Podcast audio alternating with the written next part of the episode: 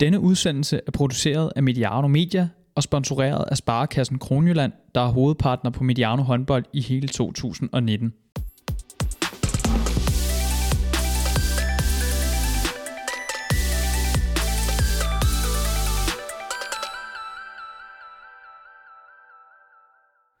Vi er nu nået ned på et antal, hvor det passer på rammerne for det kæmpe håndbold-event i Køln. Final Four bliver nemlig med deltagelse af Vestbrem, Barcelona, Kelse og Vardar. Hvordan de fire bookede billet til Final Four kigger vi på i dag, når vi vender de netop færdigspillede kvartfinaler i Champions League. Mit navn er Emil Halkier. Velkommen til, og tak fordi du lytter med. Endnu en udsendelse om Champions League og endnu et besøg hos Danmarks største håndboldnørd, tøver jeg ikke med at kalde ham Rasmus Bøjsen. Tak fordi du havde tid endnu en gang til at tilbringe en times tid i svigerforældrenes kælder. Det var så lidt. Du, øh, der er sket lidt siden sidst. Sidst jeg sad her, der sagde du, at øh, i var det nemt at have børn. Og nu øh, møder du mig op i entréen og siger, puh, det er hårdt at have børn. Hvad er der sket?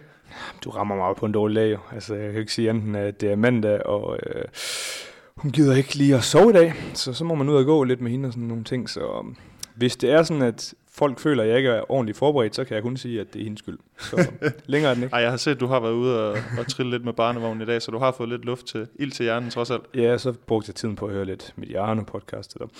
Det var ikke særlig godt, men øh, jeg havde ikke andet at, at bruge tiden på. Så. Nej, men det lyder også som uh, helt forfærdeligt at fordrive tiden med. Øhm, vi har lige sagt farvel til en ret øh, begivenhedsrig uge, både med tanke på det Champions League, vi skal snakke om nu, men også for dig personligt. Du har spillet din, øh, din sidste kamp i, i Ribe Esbjerg efter, eller i den her omgang, nu skal man passe på, hvad man siger, efter efter fire sæsoner i Vestjylland. Hvordan var det? Jamen lige i forhold til at spille den sidste kamp, så var det jo ikke øh, noget sådan totalt specielt. Det havde været federe med en, øh, en DM-finale eller lignende, men det var jo det her nedrykningsspil, som vi også snakkede om sidste år, eller sidste gang, at det er ikke det mest sindsoprivende. Men øh, selvfølgelig, når man har været i en klub i fire år, så er det jo selvfølgelig lidt specielt at, at skulle videre, men øh, det er jo noget, jeg har været indstillet på i efterhånden et godt stykke tid, så øh, det var fint. Øh, vi vandt, og øh, alt er godt. Og tillykke med sejren i bødekasse slutspillet, som vi ynder at kalde det. Tak for det. Er det for tidligt at bede om en evaluering af, hvordan de fire år har været, eller skal du lige have lidt mere tid til at tænke over det? Nej, det kan vi da godt evaluere lidt på. Altså, i det store det hele har det måske ikke været øh, helt perfekt, men jeg synes, der har været nogle rigtig store opture, og så har der også været nogle store nedture. Øhm, jeg startede jo lidt ud med en, en korsbåndsskade, som i mit første år, som gjorde det rigtig svært øh, ligesom at opnå det helt store der, og så andet år var helt fantastisk med Ja, jeg fik jo faktisk lov til at sørge for, at, at klubben kom i sin første, sit første slutspil nogensinde, øh, og vi røg jo også i semifinalen, og var faktisk sindssygt tæt på der. Det er jo man så stadig over, at det ikke blev en finale. Så. Men en fantastisk sæson, øh, hvor vi selvfølgelig også øh, kvalificerede os til Europa. Øh, tredje sæson, øh, ja, det var sådan lidt lige ved næsten øh, meget tæt på at komme i pokalfinalen, meget tæt på at komme i slutspillet, meget tæt på at komme i EUF Cup gruppespillet. Så det var sådan lidt en ærgerlig fornemmelse. Og i den her sæson har været rigtig hård, synes jeg. Det har, øh, det har ikke været øh, lutte lavkage, vil jeg sige. Øh, mange nye spillere, øh, lidt forskellige trænerkonstellationer, og skuffende resultater, men jeg synes egentlig, at vi har vist lidt også her på det seneste, og vores forår har været rigtig stærkt. Øh, men øh, at man så lige mangler et enkelt mål i forhold til at komme i slutspil, det gør det jo selvfølgelig lidt, øh, lidt ærgerligt det hele, men jeg synes, vi fik vist øh, god øh, sådan indstilling og, og fik vundet det her nedrykningsspil, så, så det var egentlig også positivt at få sluttet ordentligt af. Men øh, med på det hele, synes jeg jo, at der har været rigtig stor potentiale i klubben, og det synes jeg ikke, vi for alvor har fået ud, så det er selvfølgelig skuffende. Det er rigtig ærgerligt over. Men øh, nu, nu prøver vi noget nyt til næste sæson. Det er ikke fordi, vi sådan skal vende uh, Ribe Esbjerg sæsonen på vangen, men man har talt meget sådan udefra mm. omkring det. Måske har været en lidt svær sæson at være, en spiller, at være spiller i klubben i. Har det også været det? Altså det er ikke fordi, vi sådan skal indvende det hele, men det, det, har, det, det har måske været en lidt turbulent sæson for jer.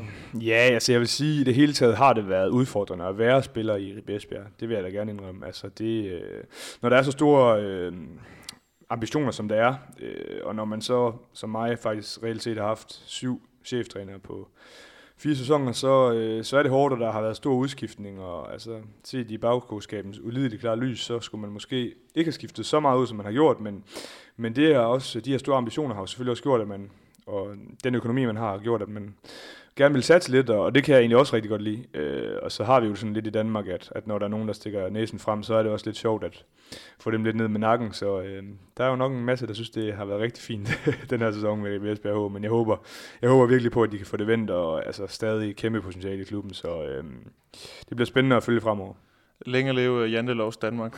ja. Hvad hedder det? Jeg synes, vi skal parkere Ribe Esbjerg og tale om noget, noget lidt andet. Mm. Øh, noget, som øh, vi begge to havde glædet os rigtig meget til, de ja. her fire kvartfinalserier. Øh, jeg mener at have set på Twitter, at du skrev søndag, at det var ren håndboldpropaganda, det var viden til. Jamen, det synes jeg også, det var. Altså, i det hele taget, øh, man kan selvfølgelig sige, at de her fire øh, kampe har jo selvfølgelig, eller matchups har jo, har jo vist sig lidt at måske at være lidt øh, afgjort på forhånd, troede man. Øh, men så i går viste det sig jo så, at alt det kan ske i håndbold, og jeg synes særligt i går, to magiske kampe, altså på et meget, meget højt niveau, og med alt, hvad sådan ligesom håndbold er, øh, action, øh, jamen, nogle scener, hvor man virkelig bare kan se, at det her det betyder alt for, for, for holdene, og det har vi jo også set, det kommer vi nok også ind på, at, øh, at nogle af de interviews, der har været efterfølgende, og sådan noget, har ligesom har bevist, at, at det betyder alt, øh, og jeg synes jo både i Paris, men også i, i Sikkert, at det var helt vildt scener, og at det går så hurtigt i håndbold, at altså, det var sådan, man havde jo nærmest puls på 190 eller sådan noget allerede efter 10 minutter i begge kampe, så fantastisk håndbold, synes jeg. Og jeg synes også, det viser lidt, at jo, det kan godt være, at, som der er en, der skrev på Twitter, at gode spillet i Champions League jo ikke for alvor er verdens mest sindsoprivende, men altså, der er mange ligegyldige kampe og sådan noget, men, men det her knockout, de her knockout-kampe, de, jeg, altså jeg, som jeg ser det, så er det det højeste niveau, som håndbolden har, altså der bliver spillet på. Det er de bedste spillere, det, det, er, øh, ja, det er de bedste trænere og alt det her, så øh, jeg synes, som jeg også skrev, tror jeg, på Twitter, at hvis man ikke har set de her to kampe, så kan man heldigvis gå ind på uftv.com øh, og se dem igen, og så bare, eller se dem, og så kan man jo bare nyde det. Så. Vi fik, øh, vi fik fuld valuta for pengene, os der sad øh, bag skærmen i går og, og i runden inden og så de kampe. Mm. Øh, som jeg sagde, holdene til Final Four, Vestprem, Barcelona, Kielce var der et ungarsk, spansk, polsk og makedonsk hold. Mm. Og øh, som man altid skal gøre, når man har set håndbold, så skal man lige ind forbi din Twitter-profil, for du er altid aktiv efter kampene. Og der så jeg, at du har rodet lidt i historiebøgerne og fundet frem til, at det er første gang i Champions League-historien, altså siden 93-94, den her konstellation, vi kender nu, mm. at tre hold øst for Tyskland har kvalificeret sig til semifinalerne i samme sæson. Hvad fortæller det dig? Ja, men først og fremmest fortæller det mig jo, at der har været en udvikling. Altså, vi har jo kendt mange af de her hold, også tidligere. Øh, Vestbrem har altid været der, og der har også både været, været rigtig stærke polske og makedonske hold tidligere. Øh, men det er ligesom øh, hen over det seneste øh, år, ja, 5, 6, 7 år har det ligesom bygget op til, at der er kommet nogle pengestærke øh, folk ind i de her klubber i, øh, i Østeuropa, og det har jo gjort, at at de ligesom har kunne hente nogle spillere øh, på en højere hylde, end de måske tidligere har gjort. Øh, og man har også set spillere fra, fra Vesteuropa tage turen til Østeuropa. Det så man ikke så meget for 5, 6, 7, 8, 9 år siden. Øh, også kvæg den her øh, håndboldkalender, som har stukket lidt af og har gjort, at Bundesligaen øh, at den er hård at spille, at, at der er så mange af de øh, spillere, som ligesom vælger at tage til ligaer, hvor der er en to-tre gode hold, og hvor de kan måske forlænge deres karriere, men samtidig få lige så mange penge, eller måske endnu flere penge, end de har været vant til i Bundesligaen eller i Frankrig. Øhm, så, så det er ligesom der, pilen har, har peget hen af, men man skal også huske, øhm, nu ved jeg godt, øh, eksempelvis Vardar og, og Vestbrem efterhånden har, har været i, og Kielse også, øh, for den til skyld, har været i, i Final Four en, et par gange eller, eller fire, øh, øh, men øh, økonomien på de kanter er også bare øh, derefter. Vestbrem er sådan rimelig sikkert, fordi de har mange øh, sponsorer i ryggen, men, men eksempelvis Varder og Kjelse er jo ligesom styret af, af få personer, øh, en person øh, faktisk i, i deres tilfælde, og det gør jo også, at deres økonomi er lidt mere, øh, lidt mere usikker, så på den måde er det jo heller ikke sikkert, at, at vi ser dem om to-tre år, men, men lige nu kan man i hvert fald sige, at at de ligaer, de, øh, de, eller de store øh, klub, øh, klubber i de ligaer har, har formået at hente nogle spillere, som de måske ikke tidligere kunne få. Og så synes jeg også, at den her spanske liga, Stirut, øh, har gjort, at, at de spanske trænere, det kommer, tror jeg også, vi kommer til at snakke om senere, at de spanske trænere ligesom er kommet ud i nogle nye øh, ligaer, og har ligesom har øh, sat sit præg på, på de ligaer og de tophold, og det synes jeg også, man rigtig meget kan se. Øh, jo, nu er det jo så fire spanske trænere, der kommer til at styre det i, øh, i Final Four, men også seks øh, spanske træner, cheftræner ud af otte i kvartfinalerne. Det har ligesom sat et præg, øh, og jeg tror, at den her moderne spanske stil, øh, den har ligesom vist sig i hvert fald at, at kunne virkelig rykke noget. Og de spanske spillere har jo også øh, i den grad taget turen væk fra den spanske liga, så det har også haft en, en indvirkning der, tror jeg. Hvis vi sådan kigger sammenligner Final Four i år med sidste år, så er det jo også det her med, at sidste år talte vi meget om øh, fransk dominans til Final mm. Four. Tre franske hold. Ja. Ingen i år. Øhm, hvorfor? Altså er det, er det igen, er det sådan lidt en tilfældighed, sådan lidt øh, stolpe ud for de franske hold, eller, eller hvad tænker du om det? Ja, men det er jo, igen, det er jo svært at sige. Altså man kan jo sige med Montpellier, som jo var i den her gruppe A, Øh, der er det jo så fire hold fra gruppe A, som, som har gået hele vejen, øh, men de har jo i den grad ikke ramt niveauer. Og det der er med, med sådan et hold, som går hen og vinder Champions League, altså der er jo bare nogle spillere, som de måske ikke har kunne holde på. Eller det har i hvert fald vist sig, at de ikke har kunne holde på en spiller som eksempelvis Fabregas, som jo betød ufattelig meget for det hold, og som nu betyder ufattelig meget for Barcelona.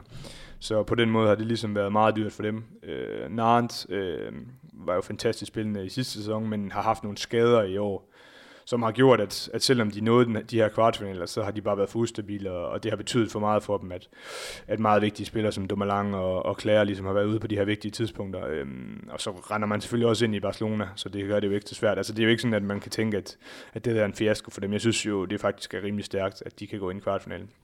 Paris, selvfølgelig øh, meget, meget øh, stor fiasko for dem, øh, og det er jo sådan jeg ved ikke, om man kan kalde det en off day, men de rammer i hvert fald en målmand på dagen, som tager alt i, i Polen, øh, Chupada, så, så det betyder jo så, at, at de ikke går videre, men det jeg måske har været mest skuffet, skuffet over med dem, det er ligesom måden, de er gået videre på, fordi de spillede fantastisk i går, men, men i Polen, det bliver meget individuelt, og det bliver meget uden fart, og det ved jeg, vi har snakket om meget tit, og det er jo ligesom den her ting, jeg synes, der er med, med, med PSG, at, at de spiller for langsomt, at de har ikke den her øh, fartskabende, som jeg plejer at kalde det, playmaker, som kan, kan sætte sin baks i fart, og som kan gøre plads til en stregspiller, og alle de her ting, som man ser på mange af de andre hold, hvor øh, der er den her, ja, jeg vil måske kalde en spansk eller Balkan-type, øh, Balic-type øh, playmaker, som ligesom kan skabe det her fart. Øh, og det synes jeg, at de mangler.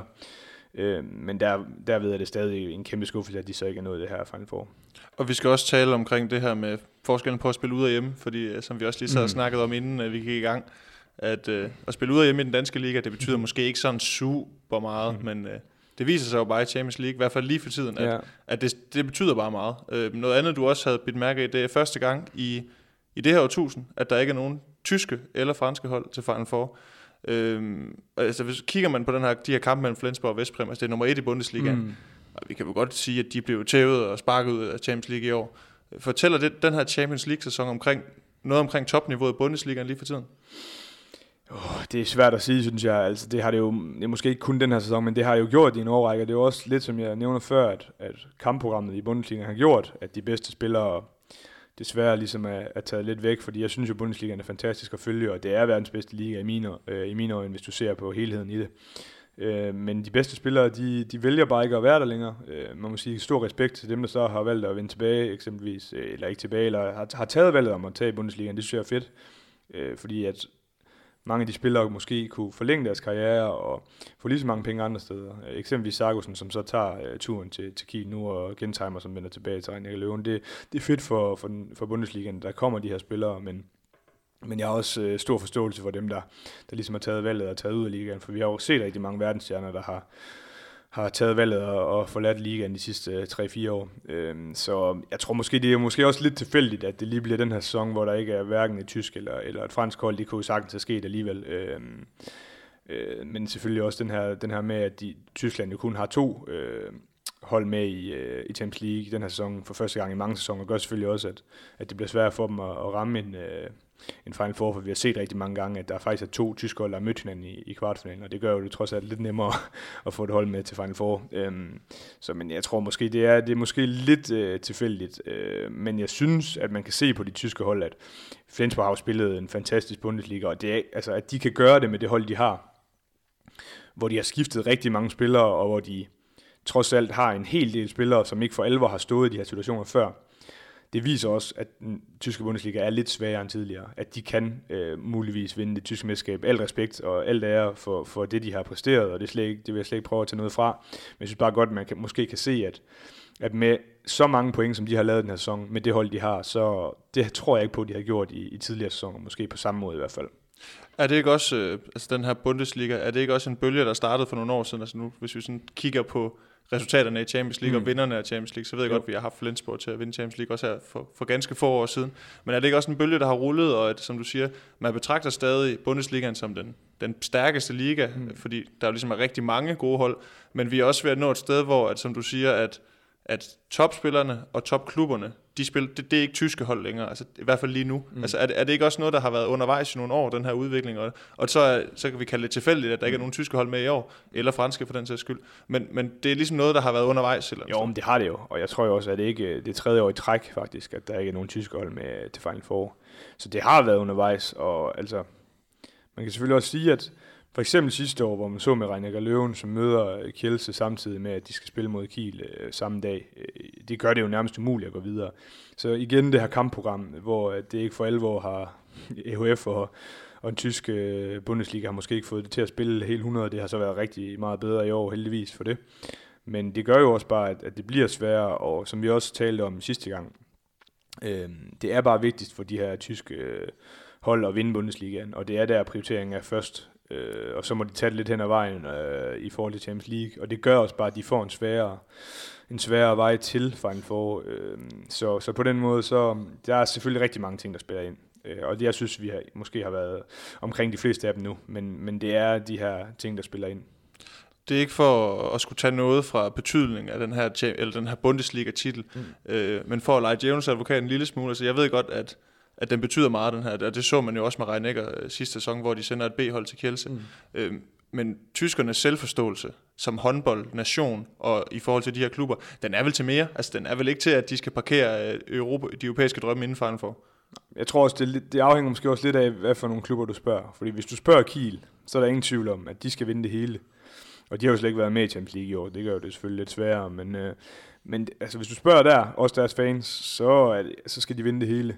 Men hvis du spørger i Flensborg, hvis du spørger dem, øh, hvad vil I helst ramme en Final Four eller, eller vinde øh, Bundesliga-titlen, så er der slet ingen tvivl om, hvad de siger. Også fordi det har været så svært for dem at vinde det her. Hvis de kan vinde det to år i træk, så vil det være fuldstændig magisk for dem. Øh, så altså, jeg tror også, jeg, jeg har læst mange interviews med, med lederne for, for topklubberne i Bundesligaen, og de siger bare, at altså, det er jo sponsorerne, det er fansene, der, der bestemmer, hvad der skal prioriteres. Og det er ikke svært at se, hvad, det, hvad for eksempel fansene helst vil. Fordi der sidder nogle gange 10.000 i, i Mannheim til øh, Reinecker Løven, øh, Minden, og så øh, tre dage efter, så spiller de måske i Frankfurt i en halv med plads til 4.000, hvor der sidder 2.000 i Champions League mod øh, Vardar, som er et hold, der er rimelig meget bedre end Minden. Så, så det, det er jo ligesom det her udbud efterspørgsel, der, der bestemmer, hvad der skal prioriteres. Øh, men jeg tror da også på, at, at det her med, at, at de tyske hold ikke øh, kommer mere frem øh, i Champions League, og hvis det bliver ved med at være sådan, at at på, noget, på et tidspunkt, så, så bliver det jo ligesom øh, en, en, en omvendt prioritering. Også, vi ved jo ikke rigtigt for alvor, hvad det er, der sker efter, eller til sæsonen 2020-2021, øh, hvor Champions League formentlig bliver lavet om, men hvis den bliver det, og altså, i forhold til, hvor meget økonomi der kommer i det, så tror jeg slet ikke på, at, at de tyske klubber kan lade være med det. Øh, ligesom fordi så der kommer for, forhåbentlig, og formentlig kommer der så meget økonomi i Champions League, at, at det bliver opprioriteret for klubberne, øh, fordi de kan simpelthen ikke lade være med det i forhold til forretningen, at, at det bliver så vigtigt at, at kvalificere sig til Champions League og gøre det godt i Champions League økonomisk, så man kan få de bedste spillere. Så hvis, hvis de ikke øh, ligesom øh, kommer, kommer ind, ind på det... Øh, på det felt, at man skal præstere godt i Champions League, så kommer det i hvert fald til at koste dem, også økonomisk. Og det er jo, det, det, det vil jo, så vil det jo også begynde at minde lidt mere om, det, om fodbold, hvor at, mm. at der er en kæmpe økonomisk guldråd ved, at du ser jo også danske hold, altså det at kvalificere sig til Champions League, det er bare en kæmpe økonomisk indsprøjtning. Jeg ved godt, det er nogle helt andre beløb, vi opererer mm, med i, i håndbold.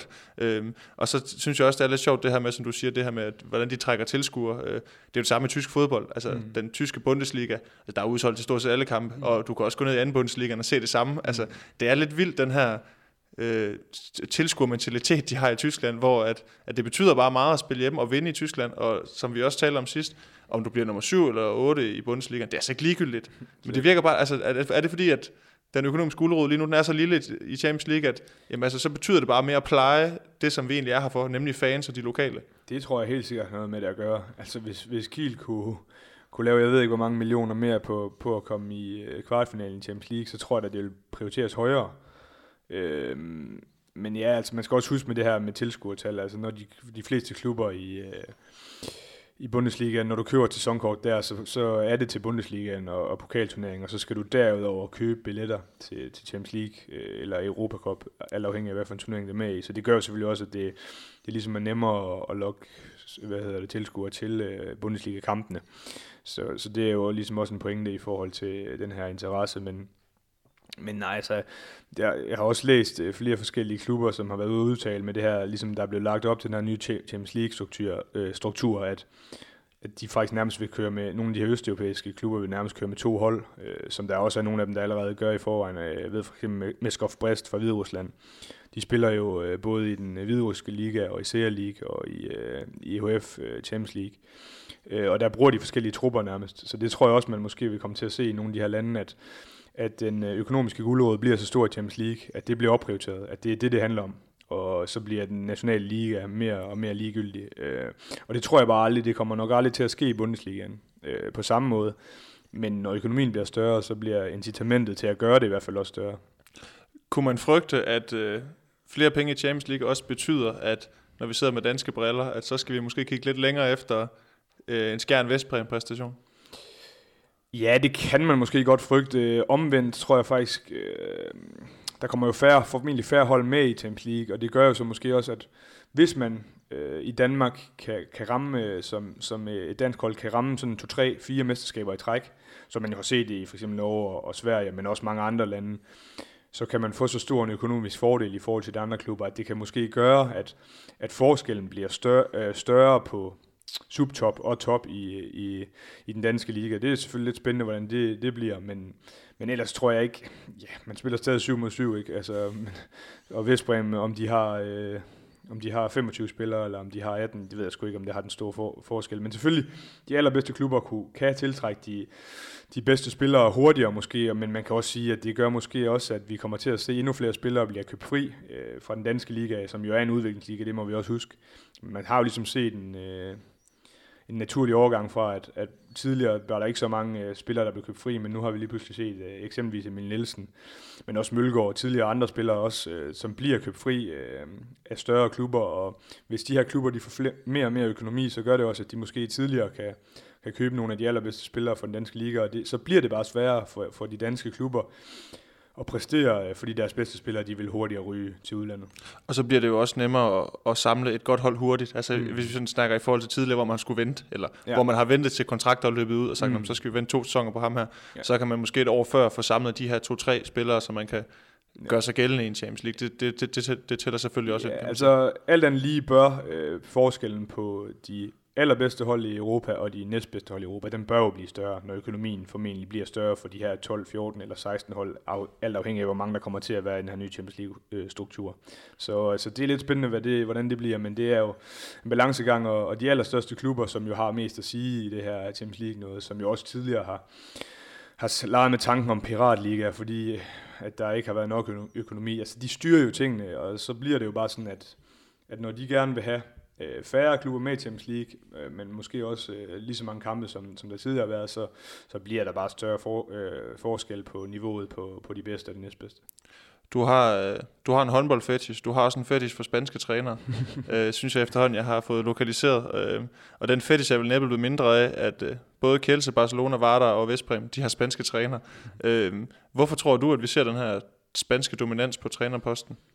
Ja, men man kan måske sige, at tidligere har der også været rigtig, rigtig mange dygtige spanske trænere, og det har selvfølgelig været helt vildt de seneste par år. Man, man ser jo også øh, med, jamen der var jo på et tidspunkt, hvor samtlige øh, mesterskaber øh, på øh, landsholdssiden, altså både Asien, Europa, øh, det panamerikanske mesterskab og African Cup, Africa Cup of Nations, de var altså også vundet af spanske trænere.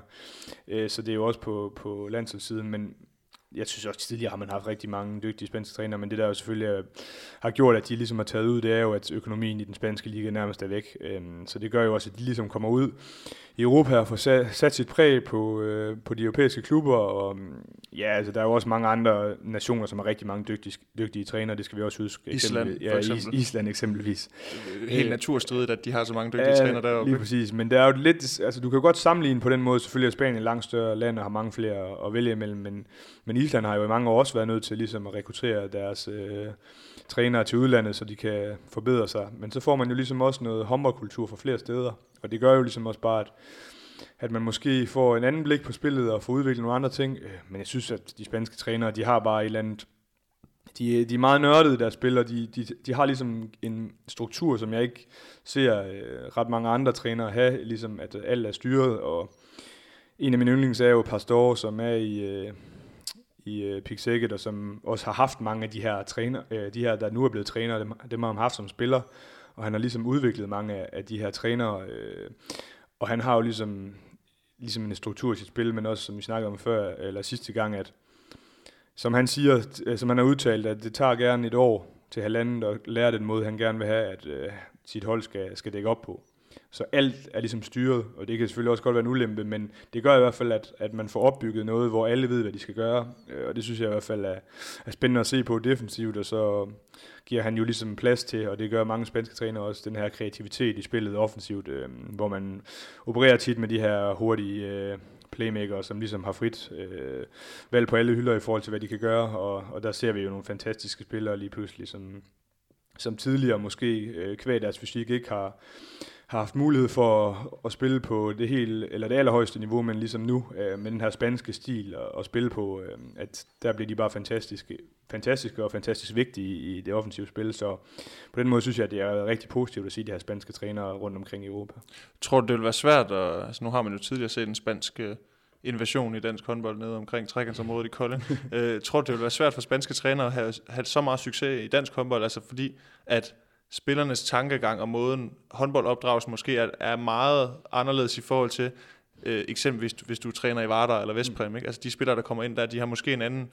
De, de, er, de er opflasket med lidt anden måde at tænke håndbold på. Ja, der er jo nok ingen tvivl om, at det, det er nok sværere, men det er jo både ja og nej, fordi øh, jeg tror også godt, at øh, Ortega kunne have fået øh, succes i Kolding, hvis han havde fået tiden til det. Altså når jeg snakker med folk, der har haft ham, også i Danmark, så, så har det været det her med, at de fik jo udleveret en notesbog, øh, og de fik udleveret et fuldstændigt øh, spilsystem, som de skulle gå efter. Og det tager bare tid at implementere sådan noget. Og når man så er i en klub som Kolding, som altså skal levere nogle resultater, og som øh, også tog rigtig mange nye spillere ind, øh, og som kom til at spille på en helt ny måde, som de aldrig har prøvet før, så ville det bare til tid.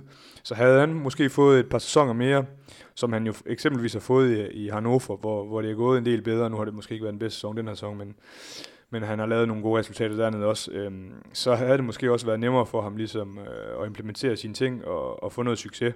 Så jeg tror, at hvis danske klubber kommer til at satse på nogle af de her spanske øh, trænere og giver dem den tid, som de skal bruge, så tror jeg sagtens, det kan gå hen og, og blive en stor succes. Men, men jeg tror, du har ret i det her med, at selvfølgelig er det en kæmpe omvæltning når man har været vant til, til én ting i, i Danmark, og i Danmark er det jo også meget mere her, at, at man giver spillerne noget ansvar, og man ligesom øh, tager dem ind og, og lade dem styre tingene, og, og der kan man måske sige, at der er den spanske øh, stil måske lidt mere, selvfølgelig giver man også noget ansvar fra sig, men det er lidt mere struktureret øh, på en eller anden måde. Øhm, så det er måske lidt sværere for, for danske og nordiske spillere ligesom at, at gå ind under, men, men det ved jeg ikke. Altså, det er jo også lidt afhængig af, hvad for nogle spillere vi snakker om. Ja, det er klart. Det, ja. det, er jo også lidt, det er jo også lidt noget gætværk, ikke? men ja. man kan i hvert fald sige, at det er sjældent, at det elitesport og tålmodighed, det er to ting, der går hånd i hånd. ja. I hvert fald, når der skal præsteres og vindes, vindes titler.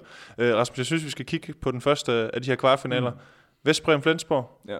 Et Vestbrem hold, som du jo sidst sagde, at dem, øh, dem kan du godt lide. Mm. Øh, de vinder den første kamp i Flensborg ja. 28-22, vinder så også på hjemmebane 29-25 og samlet går videre med, med plus 10 mål. Mm. Øh, nu kan det godt være, at vi får lidt problemer i forhold til neutralitet her, øh, fordi du er jo ret glad for, for ja. Vestpræm. Men er det for meget at kalde det en ungarsk magt, magtdemonstration?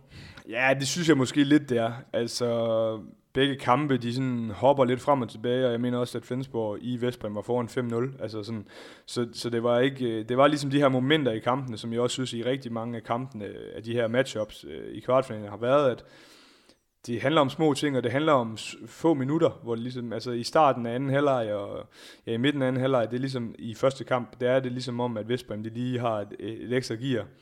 Øhm, så det, det er meget små ting, der gør ligesom, at, at Vestbrem så vinder med, øh, sammenlagt med, med mange mål. Det, så, så, øh, så ulige synes jeg ikke, det var. Øh, men jeg var også lidt inde og kigge på noget statistik, øh, også noget, jeg blev mærke i begge kampe, at det er tydeligt, at, at det her Vestbrem-forsvar, det, det kan altså noget. Altså det, David Davis har virkelig fået øh, sat skik, og det snakkede vi også om inden øh, sidste gang, at at han har fået sat kig på det her forsvar, og øh, i begge kampe, der har, øh, der har Vestbrem 10 skud mere på mål øh, i deres angreb, end, end, øh, end Flensborg har i sit angreb. Så, så på den måde, så skaber de bare flere frikast, og de gør det bare sværere for, for øh, Flensborg at, at få nogle skud på mål, øh, end, end Vestbrem har til at komme til sine skud. Så, så de har faktisk næsten samme øh, sådan rednings- og, og skudstatistik.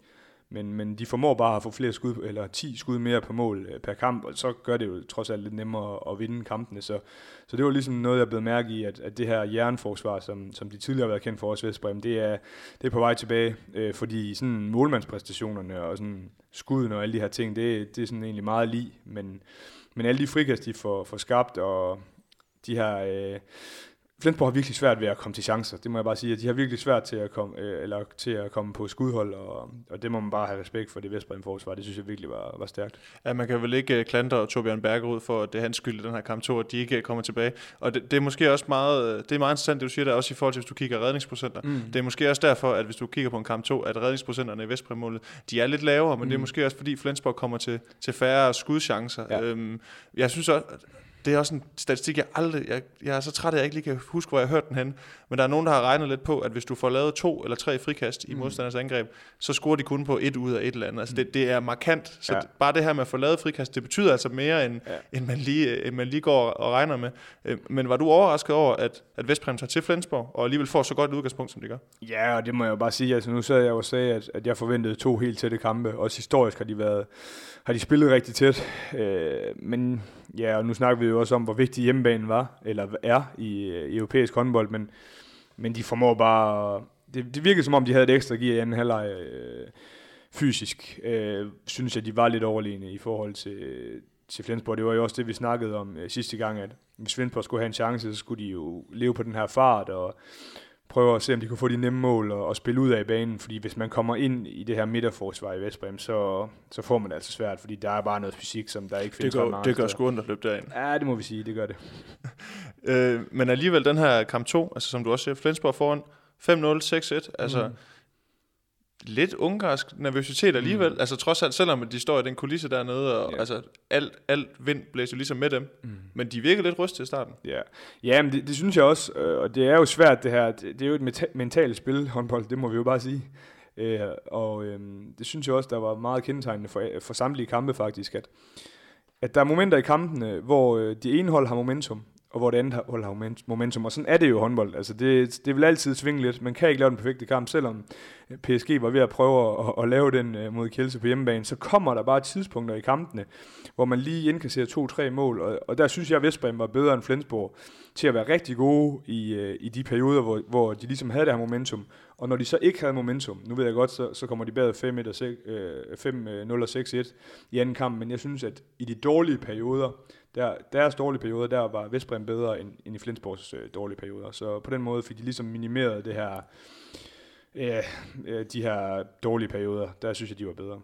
Og det er jo selvfølgelig altid nemt at, at kigge på målscorelisterne og sige, at han var god, og han var god, mm. og han var god, og han var dårlig, ham der, øh, og målmanden stod dårligt. Men jeg kan også fornemme på dig, at, at sandheden bag den her forskel på Flensborg og Vestbrem, den, den skal også findes i, altså du, du dedikerer dig meget til den her forsvarsende, og den, det går tit lidt under radaren, hvad der egentlig mm. foregår i den ende, og det, man taler om det, men man taler ikke så meget om det alligevel. Altså, det er jo også et liv uden topscore-titler, det ved du ja, også selv. Ja, øh, dem har du ikke fået mange af. Nej, dog ikke. dog ikke. Øh, men, men det er måske der, hvor vi skal finde forklaringen. Altså, den store forskel på de her to hold, det er simpelthen, at Vestprem, deres forsvar, disciplineret, mm. velsammensat og benhårdt. Ja, og altså, som, som jeg sagde før, altså, når man formår at skabe øh, 10 skudchancer mere end, end øh, modstanderholdet to kampe i streg, altså så skal det virkelig være skidt dine skudprocenter, hvis du ikke øh, formår at vinde. Så, så det her med, at, at de sørger for, at, at øh, Flensborg faktisk slet ikke kommer på skudhold øh, i mange af deres angreb, det, det gør, at, at de vinder kampene. Og så, ja, det, det fortæller jo også et eller andet. Det betyder jo ikke nødvendigvis, at Vestbrem har spillet godt angreb. Øh, det kan jo også bare betyde, at de virkelig har dækket godt op. Ja, øh, sådan, altså, det, det, det synes jeg i hvert fald, det var tilfældet i de her kampe. Altså, de spiller fint angreb, øh, Vestbrem, men jeg synes, det, og de har rigtig mange spillere, som ligesom byder ind. De har ikke de her enkeltmandspræstationer, øh, som de tidligere har været rigtig øh, sådan kendetegnende for dem, og været, været nødt til at gå til de her individuelle øh, ting. Der synes jeg, de spiller meget mere... Øh, ja, øh, bredt og med mange flere spillere, som ligesom byder ind, øh, end de tidligere har gjort det. det synes det er måske også. mere kollektivt, end ja, ja, det er jo det. Altså, jeg synes jo, der er en, en helt anden sådan aura over det hold i forhold til, hvordan der var det sidste år, med, med mange problemer sidste år. Man hørte jo også mange rygter, og der, medierne skrev om de her interne problemer, der har været i truppen, og der synes jeg, at det ser ud som om, at David Davis ligesom har har fået vendt den kurve og fået alle til, det tror jeg også, vi snakkede om sidste, om, sidste gang, at alle har ligesom fået en rolle på det her hold, og hierarkiet er langt mere sådan stabilt, end det var i, i sidste sæson, og det tror jeg virkelig er noget, der har ligesom øh, styrket dem. Nu taler vi, øh, nu taler vi meget forsvar, mm. og øh, vi taler også en serie, hvor at, at øh, en Flensborg-spiller, Tobias Carlsen, han har spillet sin sidste ja. internationale håndboldkamp. Øh, hvad er det for en, øh, en forsvarsspiller, der siger farvel? Ah, men det er jo øh, i min optik en af verdens bedste forsvarsspillere lige nu, men har også været det i en del år, år efterhånden. Øh, altså, jeg synes jo, øh, det man har hørt om ham også, når man, når man snakker eller hører interviews med, med, han, med de spillere, der står ved siden af ham, så ved han, hvad der sker.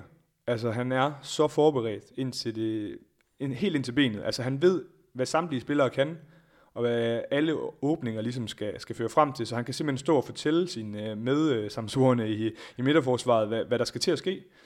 Øh, han er jo ikke, øh, han er jo rigtig stærk fysisk, det er ikke det, men han er ikke den stærkeste fysisk, og han er heller ikke den hurtigste, umiddelbart. Øh, men den her sådan ligesom øh, viden omkring, hvad der skal ske, og han er simpelthen så dygtig på sin håndboldforstand, at, at det trækker rigtig meget op. Øh, så jeg synes, han skaber en ro, øh, og det synes jeg også har været kendetegnende rigtig mange år efterhånden for, Flensborg, at, at øh, den her ro, øh, der er omkring ham, det gør bare, at, at man er sikker på sådan en spiller, der har så meget rutine, og som kommer med så meget til sine medspillere. Jeg tror også, det, det er det, der i år har også har gjort, at de har kunne, øh, trods at de har mistet rigtig mange rutinerede spillere og fået rigtig mange nye spillere ind, så har han ligesom været en stamme, der har gjort, at, at man i hvert fald har været rolig defensivt øh, og troet på, at det skulle nok komme. Selvfølgelig har man også haft en målmand i Benjamin Budic, som, som har stået fantastisk, men det tror jeg også har været noget med det at gøre, at han har kunne gå øh, så hurtigt ind på et nyt hold. Så han skaber ro, og han øh, har en rutine, men øh, alt i alt er han bare fantastisk dygtig på håndbold, øh, og jeg tror, at det ligesom er det, der beskriver ham allerbedst. Øh, og man kan jo også se, hvor meget han betyder nede i Flensborg, at de nu laver den her testimonial kamp øh, for ham det er ikke øh, alle spillere, der ligesom får sådan en testimonial kamp, så, øh, og slet ikke når du er fra udlandet. Øh, der skal endnu mere til. Så han er en rigtig Flensborg-mand, som virkelig har præsteret stort for dem i rigtig mange sæsoner efterhånden. Jeg kan i hvert fald huske, at Lars Christiansen fik et. Og der, ja. det, nu, det er jo en spiller, som jeg har været rigtig stor fan af, da jeg var lille. Jeg synes, der var nogen, der snittede løg, dengang jeg så den kamp. Jeg ved ikke lige, hvad der skete der. Men øh, også det her med forsvarsspillere, hvis man tror, at, at det ikke er nogen, der forbereder sig særlig godt, ja. øh, så vil jeg anbefale, at man går tilbage i, i Mediano håndboldarkivet og hører den snak, Jacob Rehn han havde med Lars Jørgensen. Mm. For hold nu op, hvor blev det tydeligt lige pludselig, ja. hvor bevidste en forsvarsspiller er omkring, altså i hvert fald når, når vi når op på det niveau, mm. at træder min direkte modstander et skridt til højre, mm. så er jeg forberedt på, altså jeg ved, hvilken finde han laver 9 ud af 10 gange nu, og alle de her ting. Øh, er, er det også noget, du sådan, som forsvarsspiller sidder og kigger på? Ser du også noget video af Tobias Carlsen, de her typer, mm. for og ligesom at suge lidt til sig? Ja, det gør jeg, men nu, jeg sige, nu ser jeg relativt meget håndbold ja, okay. i, i, det, i det hele taget. Øh, men det er jo selvfølgelig noget, man øh, er rigtig meget inspireret af øh, og, og bruger rigtig meget tid på. Altså, der er jo rigtig mange måder at dække op på, og der, vi har jo også de her kæmpe store, fysisk stærke spillere. Men jeg synes, noget af det, der er allermest spændende, det er jo at se nogle af de her lidt mindre spillere, ikke fordi Tobias Carlsen er en af dem, men, men også eksempelvis en spiller som Gobindo, som langt fra er den, er den stærkeste fysisk, øh, men som bare har så meget forstand på håndbold og ved, hvad der skal ske, og bevæger sig så godt, at han ligesom kompenserer for sin manglende fysik. Øh, at, at det synes jeg er rigtig spændende, øh, ligesom at, at gå ned og kigge på. Men ja, altså man bruger jo sindssygt meget tid på ligesom at at kigge på, hvad for nogle spillere man skal møde, og hvad de kan. Øh, det tror jeg er rigtig vigtigt. Øh, det er selvfølgelig altid øh, forskelligt fra spiller til spiller, hvor meget du ligesom kan rumme, og hvor meget tid du bruger på det. Øh, men defensivt, altså man kan sige, offensivt, der kan du gøre rigtig meget selv for ligesom at bringe dig i nogle situationer, som du kender. Øh, men, men defensivt, der, øh, der handler det altså også rigtig meget om at, at kende sine modspillere, også, øh, også mere end det gør offensivt, tror jeg. Så derfor bruger man måske lidt ekstra tid defensivt, øh, som spiller selv på ligesom at kigge, okay, nu møder jeg øh, en spiller, som, som gør de her ting, det skal jeg være parat på, og øh, hvis der ligesom kommer et kryds, så kommer der en ny spiller, han, han gør det her.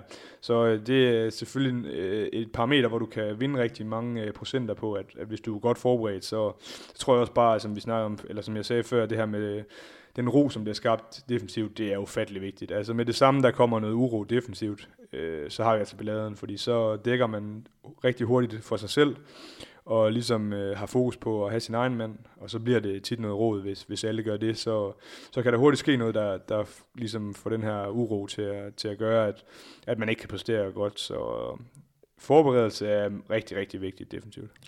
Hvilken rolle synes du egentlig, at Tobias Carlsen er bedst til, altså når vi taler træer? Er det ham, der skal ud og være bølgebryder, eller er det ham, der skal stå nede bagved og lukke de her huller, som uundgåeligt kommer, mm. når der kommer bank med to baks ind over i noget krydsspil? Ej, jeg synes, det er sidstnævnte. Altså, jeg synes jo, han er god til ligesom at styre øh, en spiller, som går lidt mere op i banen, øh, og så få fortalt ham, hvad han skal gøre, og så kan han ligesom komme ind med de her støtteparader, som jeg synes, han er rigtig dygtig til, men også bare komme ind og få lukket af øh, i sidste øjeblik, fordi han ligesom er så god til at se spillet.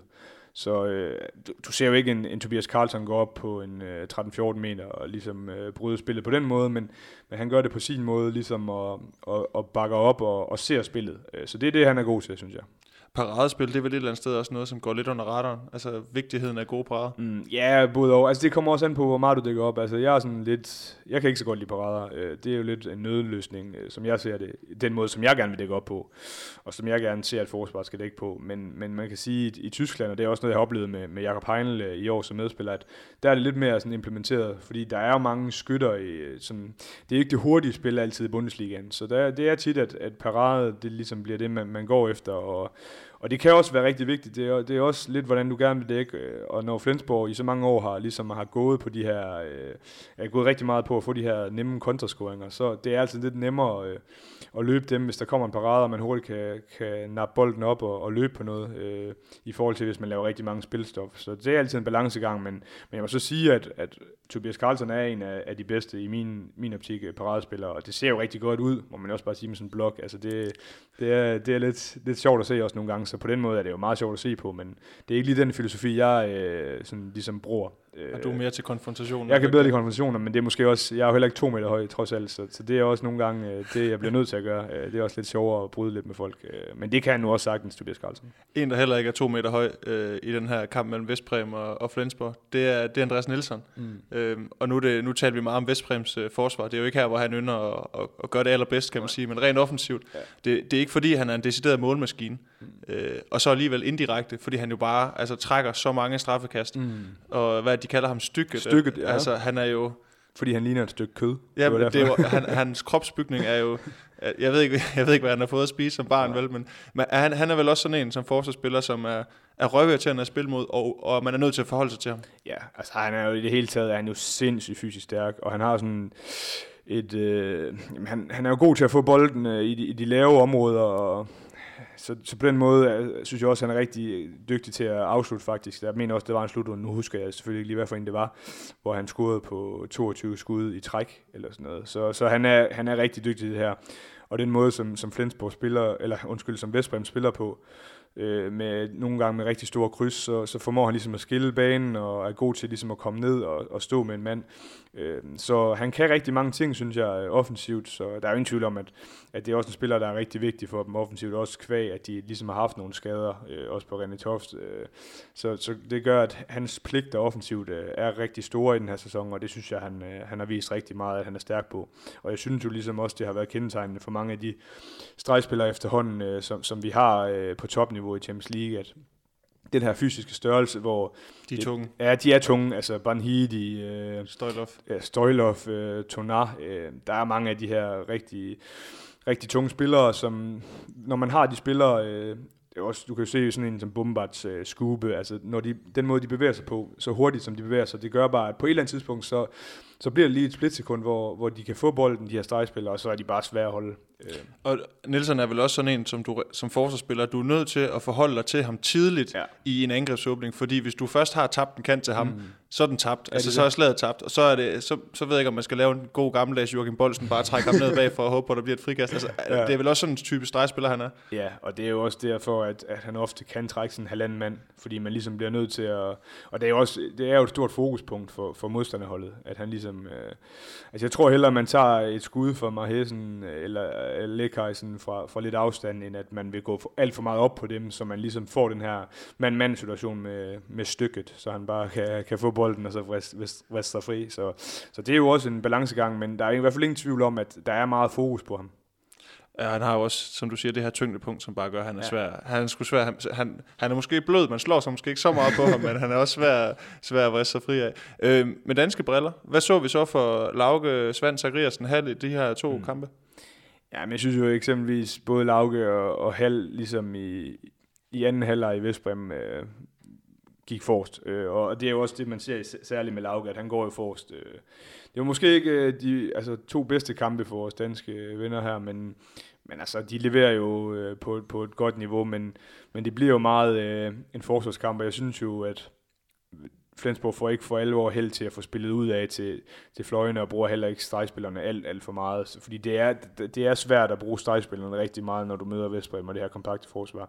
Så det har været øh, favorabelt for, for Flensborg at få spillet lidt mere ud af banen, og det, det synes jeg lidt, de glemmer nogle gange, og det kan selvfølgelig også godt være, at altså Lauke vil jo, vil jo gerne, øh, synes jeg, indad. Øh, og det er også det, han er god til, når han kommer med den her fysik, men men jeg synes måske, at Flensborg måske godt kunne have sat spillet lidt mere op til at komme ud af banen. Øh, det fik de ikke gjort nok. Man så jo også de gange, hvor at man vælger at placere en Simon Hall lidt bredt i banen. Mm. Der kommer der jo også faktisk ja. nogle indspillere. Han får faktisk også scoret nogle mål. Ja. Øh, Simon Hall er jo også en spiller, der har taget skridtet fra et tophold herhjemme ja. til et, et tophold i Bundesligaen. Mm. Øh, og du ser også meget Bundesliga. Altså, ja. hvordan, hvordan har han egentlig klaret det? Fordi vi kan hurtigt blive enige om en ting. Rent fysisk, mm. der kan han godt være med. Ja, helt sikkert. Altså, jeg synes, han har gjort det rigtig godt i forhold til, hvis du tænker på det hans første sæson. Øh, jeg synes, Carlson, som vi også øh, snakkede lidt om før, han er god til ligesom at få de unge med og hjælpe dem, og det er både med, med Hall, men også med Zachariasen.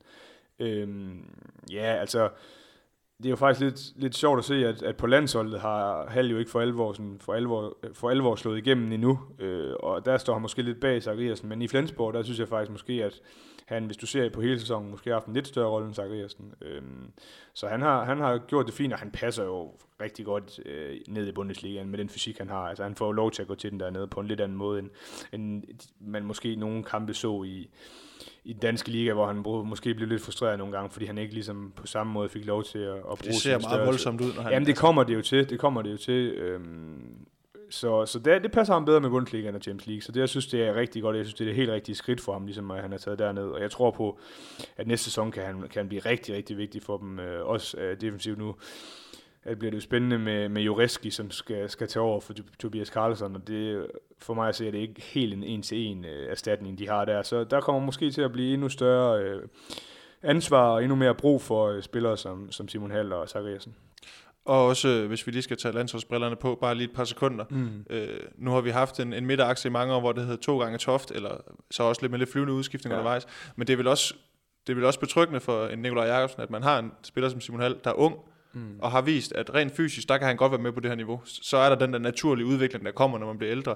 Det skal han nok lære et eller andet sted. Men han, han, han, han har noget potentiale til at kunne, kunne dække ind for os på landsholdet øh, i mange år fremad. Ikke? Ja, det synes jeg. Altså, han har jo det her potentiale til at blive en ny øh, defensiv, øh, rigtig stærk træer forsvar, som jo, jeg synes jo ikke, vi for alvor har så mange, som ligesom øh, står klar i kulissen der.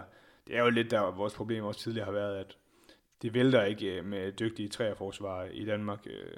Det har været svært ligesom at finde nogen for alvor, og kvæg René Toffs mange skader, så har det jo også ligesom været en position, hvor vi har været lidt udsat på, så, så det må man bare håbe som, som dansk håndboldelsker, at, at Simon Hall ligesom kan tage det næste skridt og, og blive øh, en del af, af det her danske landshold, hvor han får en større og større rolle definitivt. Og jeg synes også, han fik jo også vist lidt i et par kampe under slutrunden, øh, da han fik chancen efter René Toffs skade, at, at der er, der er et stort potentiale. Øh, men det er jo selvfølgelig også en, en spiller, der skal hjælpes rigtig meget, og det er også derfor, at Tobias Carlsen har været rigtig vigtig for Simon Hall, tror jeg.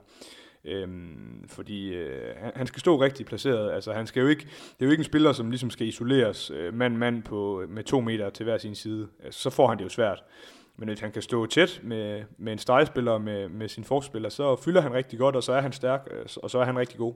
Og så gør det ikke noget, hvis dem, der rammer ham, de måske også har lidt størrelse, så, Nej, han, det ikke, så han undgår de her, ja, de her, de her dueller. Det er rigtigt, der har også været sådan lidt et tomrum efter mm. den her Lars Jørgensen, Kasper Nielsen konstellation. Ja, ja. Der har man også, øh, der har været flere indover, man har også prøvet med Claus Thomsen i nogle perioder. Det, det mm. har været sådan lidt svært at finde, og som du siger, så også Toft de her mange skader. Det. Ja, jo, og man kan også sige, at Lyngård fik jo faktisk chancen. Ja, det er også rigtigt. Greb den måske ikke 100%, øh, så så der, det har været svært. Man kan også sige, sådan en spiller som Bagersted er der rigtig mange, der har snakket om, fordi han har gjort det rigtig godt i Bundesliga i mange sæsoner, men, men han har heller aldrig rigtig sådan slået igennem på landsholdet, så det har været svært at, ligesom at finde de her, øh, men man skal også huske på, altså, at Toftbrødrene har gjort det fantastisk, og Mølgaard har, har gjort det rigtig godt, og, så, så vi har selvfølgelig nogle rigtig dygtige øh, defensive øh, træer og forsvar, så, så det ser heller ikke helt skidt ud, vil jeg sige. Ej, man kan sige, Mølgaard har måske netop, kvæg hans sæsoner i Paris, fået lagt det der lag på, der gør, at han han er berettiget til at stå derinde. Altså, at han gør, han gør virkelig en forskel, og det så vi også til VM. Altså. Helt sikkert. Altså, han har fået lagt ekstra meget på, også, men det er jo også kvæl det her med, at han tidligere har, har været en tovejsspiller, og det er han selvfølgelig stadig, og blevet det rigtig, har gjort det rigtig godt i Aalborg, men i Paris var han jo tiltænkt en forsvarsrolle. Vi kan snakke lang tid om den her første kvartfinale, kunne jeg fornemme. det, Vi det, skal gjorde, også lige det, forbi det nogle gjorde vi også sidste gang. Det Ja, er det- det, det- meget Flensborg. Jamen, det det er også spændende med alle de her Ja, danskere. Endnu, endnu en klub med mange danskere, vi skal se nu. Mm. Barcelona mod Nantes. Øhm, Altså, jeg har fået at vide, at der skal syv til mange. Jeg tæller ikke syv. Nå, okay. Nå, men i hvert fald, og nu kan jeg se, at jeg har skrevet forkert her, men i hvert fald, øh, Barcelona ender med at vinde den her kvartfinalserie med plus 10. Ja. Øhm, jeg ved, at du, inden sæsonen, det talte vi også om sidst, tænkte, Barcelona kunne godt gå hen og blive skuffelsen i år. Mm. Det har så vist sig, øh, vist sig modsat. Ja. Øh, med tanke på de fire hold, der ligesom drager mod Final Four, med det vi har set i kvartfinalerne, mm. er de så gået hen og blevet en lille favorit til at vinde nu? det her med favoritter under Final Four, jeg synes, det er så sindssygt svært, og det snakker vi også om sidste gang, at det er jo meget på dagen, og når man skal spille to kampe på, ja, nogle gange under 24 timer, så bliver det mange små ting, der bliver afgørende. Men vi kan selvfølgelig godt kigge på, på en favorit, og jeg synes jo, at hvis du ser på, hvem der har spillet bedst, og hvis du ser på, at det er faktisk fire hold fra gruppe A, det her, så, øh, så ser de stærke ud, men, men jeg kigger også lidt på, altså, hvordan og hvorledes det gik i gruppe A, og der kan jeg bare se, at Vestbrem ligesom har haft det rigtig godt med alle, alle de modstandere, de ligesom skal have i Final Four nu, og er bedre indbyrdes end alle sammen. Så øh, altså, de er stadig mine favoritter, det var de før, øh, vi, eller da vi snakkede øh, sidst, og det var de inden sæsonen, og det, det er de også nu, og jeg synes, vi snakkede meget om det her med, med målmænd, og det bliver vigtigt, og, og Barcelona har også en fantastisk målmandsstue, men jeg synes bare, at, at den bedste, den er, det er Vestbrem, der har den, og så deres fors, defensive øh, kompetencer og det her, det, det gør, at, at de, for mig at se, jeg kan sagtens forstå, at der er rigtig mange, der har Barcelona som favorit, men, men min favorit er Vestbrem. Øh, når det så er sagt, så synes jeg, at øh, hvis du ser på, hvem der spiller bedst håndbold, så, tror jeg, at Barcelona øh, i mine øjne er dem, der spiller mest seværdig håndbold, og særligt offensivt er, er de fantastiske, og på, måske også på et niveau lidt over de andre hold. Øh, de har så mange ting at spille på, de har så meget fart, de har så meget fysik, øh, så øh, meget, så meget kreativitet, så, så jeg synes måske, at øh, offensivt er, er de det bedste hold, men der er mange ting, der spiller ind under sådan en Final Four-stævne. Så det var en hel gardering. Men Ja. i, i forhold til forudsigelser på, på målmandsposten, mm. Der, det skal vi nok komme til, når vi kommer til Paris, fordi ja. Der har du nemlig været god. Øh, og også uh, talt lidt omkring, det måske var deres akillesæl, mm. så kan vi jo tale om til den tid, om det så endte med at blive det. Øh, men hvorfor tror du, eller hvad, hvad, hvad, hvad for din stol, altså hvor er det Barcelona, de overmatcher Nantes? Fordi det, det bliver jo et eller andet sted forholdsvis overbevisende. Jamen, det gør det. Altså, man må jo sige, som... Øh, jamen, vi, der har jo været nogle problemer i Nantes, det snakkede vi også om sidste gang, at det er jo selvfølgelig også svært, når man lige pludselig står uden ens første målmand i Dumoulin, og ens klare første valg på, på playmaker-positionen i, i Claire. Når man har sådan nogle skader, så, så bliver det sværere. Og øh, altså, der var, det var jo en fantastisk kulisse, der var virkelig bagt op til, til fest øh, i Nantes øh, til første kamp, men de får hurtigt slået hul på det der Barcelona. De, de viser de første 10 minutter, at ja, de er tæt på chanceløse øh, Nantes i forhold til at få noget med øh, over to kampe. Så øh, der, der viser de bare, at der er så meget fart, der er så meget fysik, og en spiller som Fabregas, særligt i første kamp, han var jo magisk igen, så han er i min optik øh, verdens bedste øh, stregspiller lige nu, og at han er kommet så hurtigt ind på holdet, han viste jo også sidste år i Montpellier, hvor vigtig han var, at nu er han i Barcelona, og nu kører det for dem, så øh, fantastisk spiller, og, men, men de har bare så mange spillere, og ligesom at, at bruge, og man kan sige, at i første kamp, Lars Andersen, der var der ikke en stor rolle til ham. Så kommer han ind i anden kamp og spiller på et niveau, som jeg ikke har set øh, siden, at han ligesom fik de her problematiske knæskader. Så at se ham tilbage med fuld selvtillid øh, på, det, på det niveau, det, det gør mig glad. Det må jeg bare sige. Jeg var rigtig glad for at se, at, at han ligesom er der igen. Øh, så de har bare rigtig mange spillere at, at, at gøre med, og på den måde tror jeg på, at, at de også selvfølgelig har en rigtig god chance i Final Four, og, og hvis man spørger folk rundt omkring, så er de måske favoritten. Og vi skal nok tale uh, Lasse Andersen, fordi det, det var nemlig også en spiller, som jeg så Mm. og klappe lidt i min små fede henover, fordi det var bare fedt, som håndbold elsker at se en mand, der har været så meget igennem, ja. Øh, får lov til at folde sig ud. Ja. Øh, men jeg kan fornemme på dig, at det er mere øh, Nantes, der var chanceløse, end at de dummede sig og, ja. Og missede på nogle ting. Altså, de, de blev bare overmatchet. Det er ikke fordi, at de altså, decideret dummede sig i nogle facetter. Det synes jeg ikke rigtigt. Altså, man kan måske sige, at de kunne have trukket spillet, eller sådan tempoet ud af spillet endnu mere. Øh, men ja, altså, de spiller jo egentlig deres chance okay, og jeg synes egentlig stor respekt øh, til dem i forhold til, hvordan de går ind til kampen i øh, Palau Blaugrana. Der kunne de godt have lagt sig ned, det gjorde de overhovedet ikke. Altså, der var masser af ild i øjnene, og masser af fysisk øh, infight øh, under kampen, og altså, der var virkelig tænding på. Jeg kunne godt have, måske have tænkt, at det her det bliver bare sådan en kedelig træningskamp hvor Naren, de giver lidt tid til nogle unge spillere. Det gjorde de så også lidt, men, men det var så måske, da det var helt var afgjort. Øh, men nej, altså, de gik ind til kampen for at vinde den. Det var tydeligt at se, og det synes jeg også, at man må have stor respekt for. Øhm, fordi når man taber den, på den måde, som de gjorde i første kamp, så har de jo godt vidst, at, at det var det.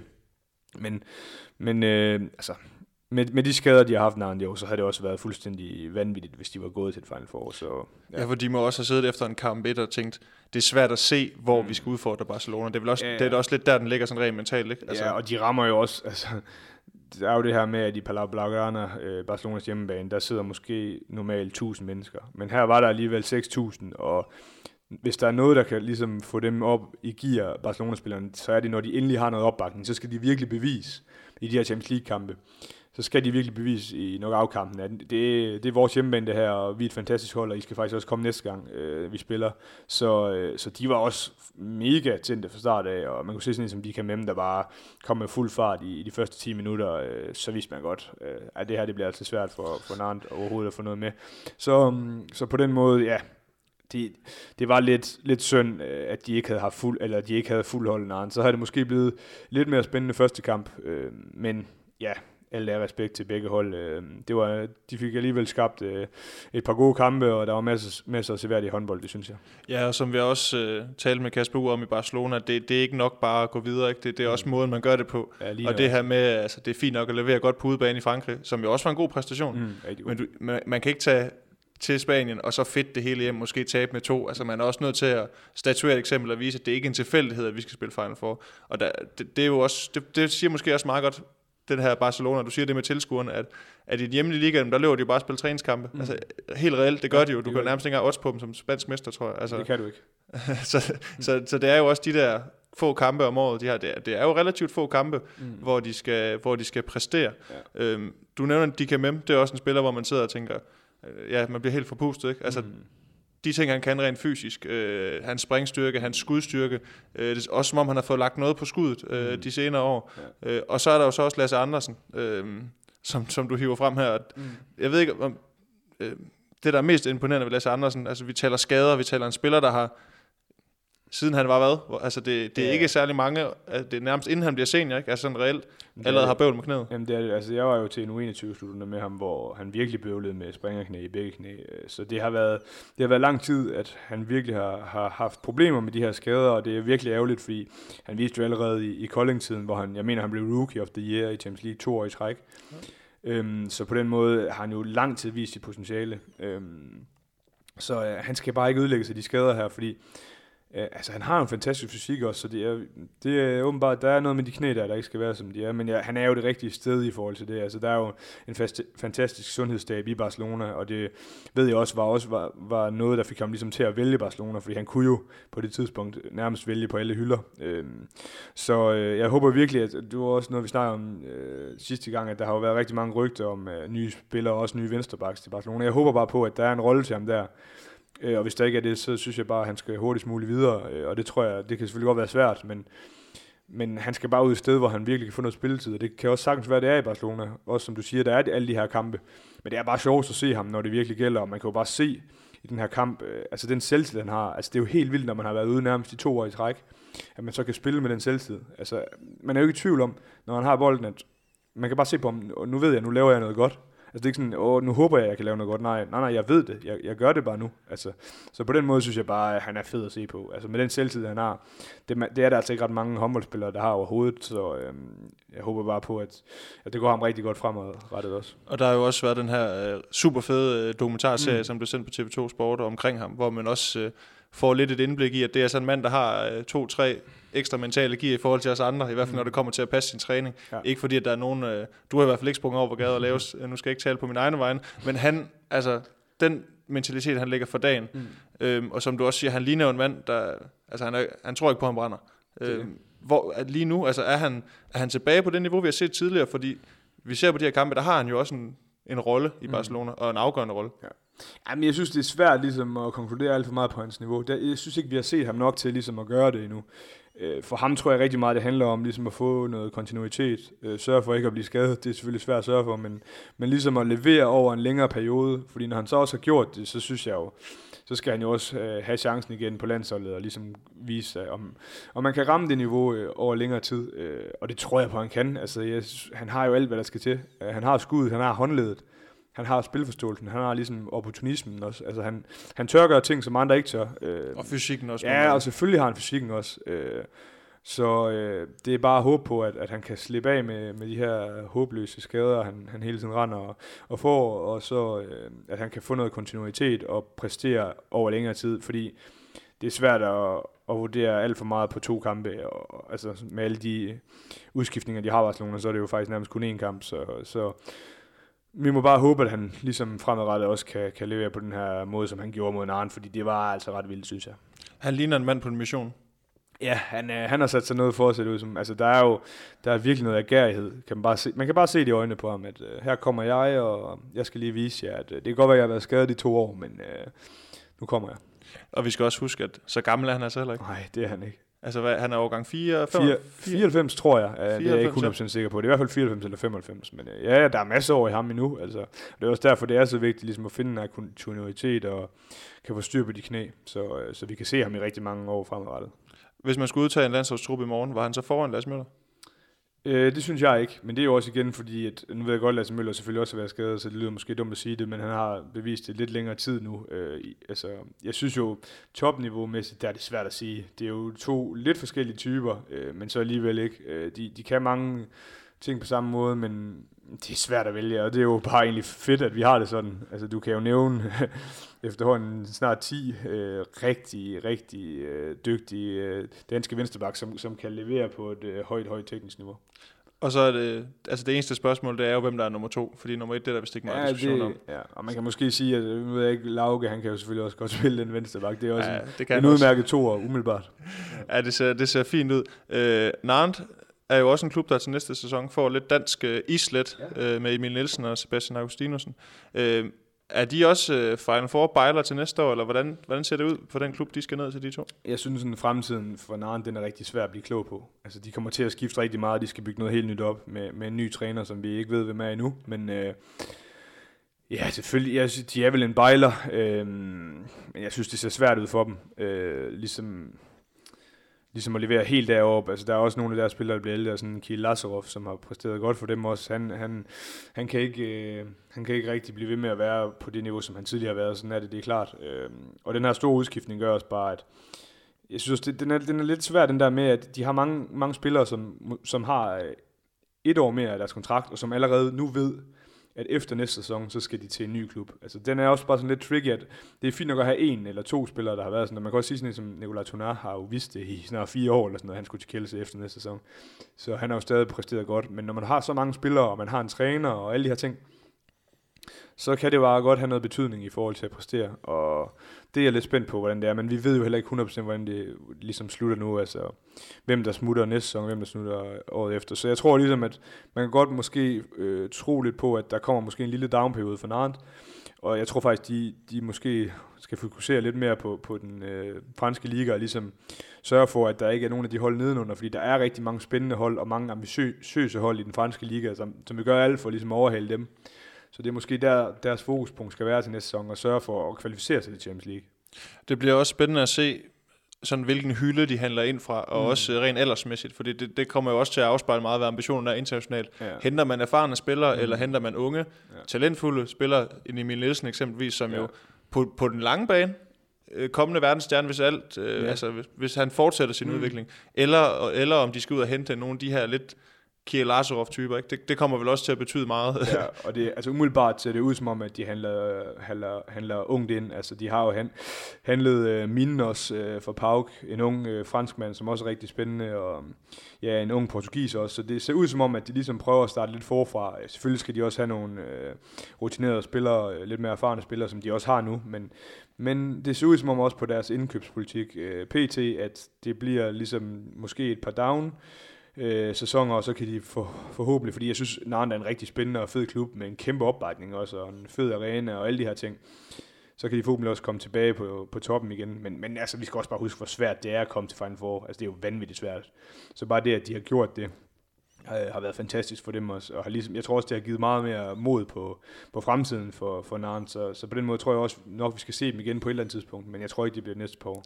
Og den næste kvartfinale, vi skal tale om, den er måske netop det bedste eksempel på, hvor svært det er at komme til Final Four. Det er nemlig øh, Paris og Kielse.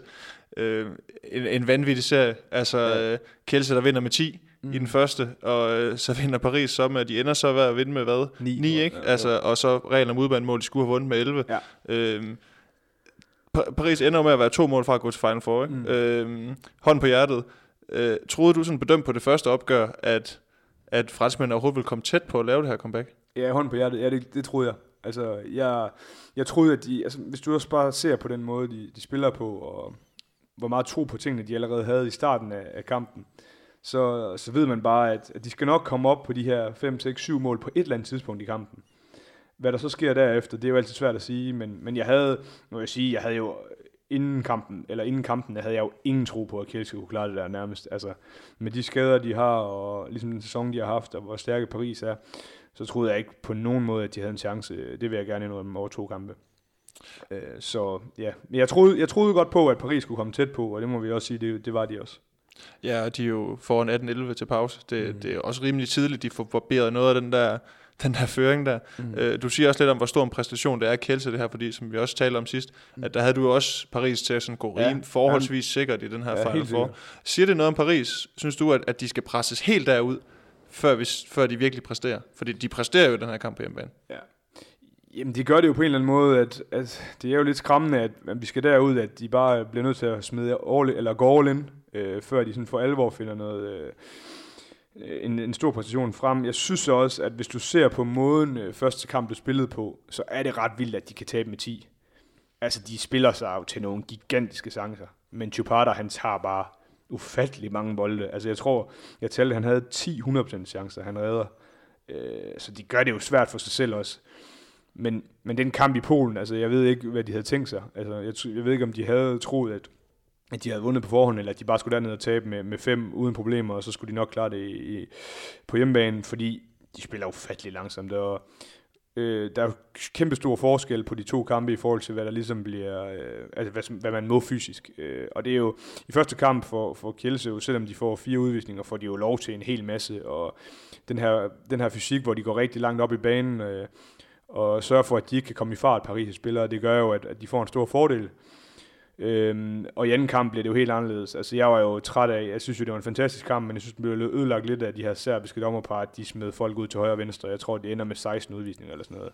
Helt vanvittigt i forhold til, hvor, altså, jo, kampen var hård, og der var nogle sådan hårde taklinger og nogle dumme taklinger og sådan noget, men, men alt i alt, så synes jeg bare, der var nogle udvisninger, som var helt hen i vejret, og det, det, var, det var til Paris' fordel, og man, jeg synes også godt, man kunne fornemme på Paris' spillere, at de skulle ligesom ud og skabe noget røre i andam. Altså det, man ser allerede efter en to-tre minutter, at, øh, eller fire måske, at Remeli han går hen og skubber, jeg kan ikke huske, om det var, om det var Sindri, jeg tror det var Sindri til ryggen, og får en udvisning, og så går han ind og skubber lidt til ham og sådan noget, og får Sindri faktisk op og køre.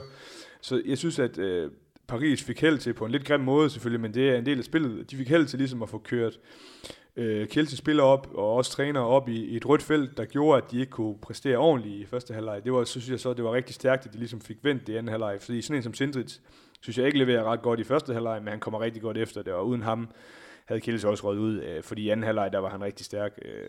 Så øh, det var tydeligt, at Paris ligesom havde en agenda i forhold til at få gjort det her til en kamp med mange udvisninger.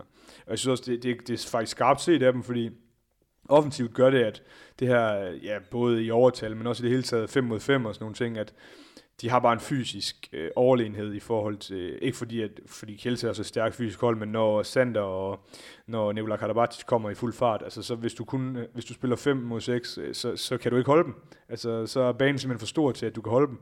Så, så det var en, en fordel for dem, øh, Paris, at, at det blev en hård kamp med rigtig mange udvisninger. Så det, det var lidt ærgerligt, synes jeg, at, at de serbiske dommerpar ligesom lå sig rive lidt med, og det var ligesom om, at de, også, de havde også en agenda i forhold til at få alle de her svinestreger væk, så det var nærmest bare ligesom, hvis der var to spillere, der var lidt i infight, så fik de bare begge to en udvisning, og det synes jeg bare, at det var lidt ærgerligt. Og de her udvisninger blev jo også... Øh afgørende, Ja. ja. og så kan vi måske tale, øh, tale om en dansker, der, der, der tilsnusker sig et par stykker, der var lidt uheldige. Øh, men selvom Paris de skulle hente 10 mål, altså i sig selv er mange mål i Jo. håndbold, Ja. øh, jeg ved ikke, hvad det vil svare til at være bagud i fodbold, men det er meget, Mm. øh, så sad man vel også lidt med en følelse af, at Paris de faktisk dummer sig.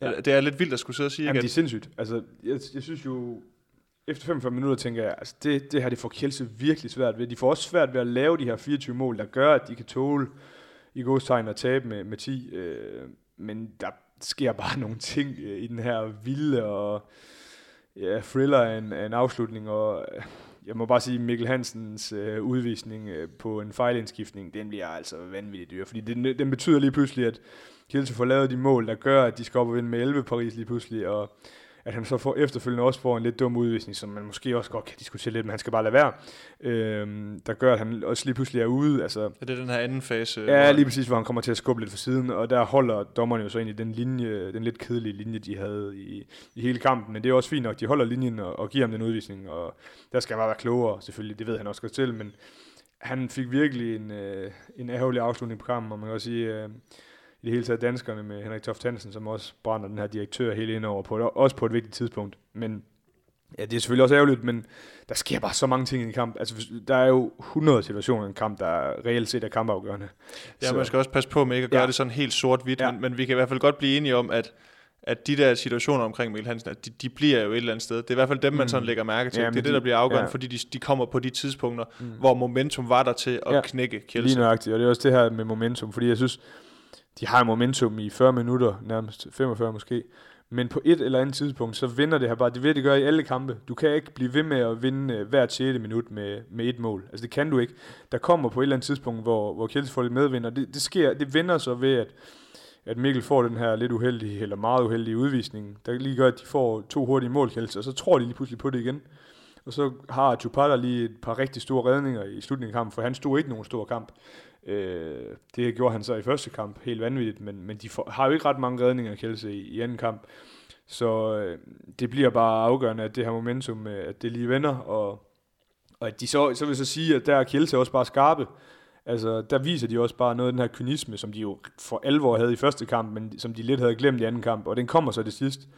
Og det bliver bare afgørende, at de får lavet over de her 24 mål, fordi så tror de ikke for alvor på det til sidst Paris. Øh, så der bliver det svært. Så stor respekt til Kjelse, men jeg synes også, altså, respekt til Paris for at få vendt det på den måde og få givet os en fantastisk, øh, dramatisk kamp.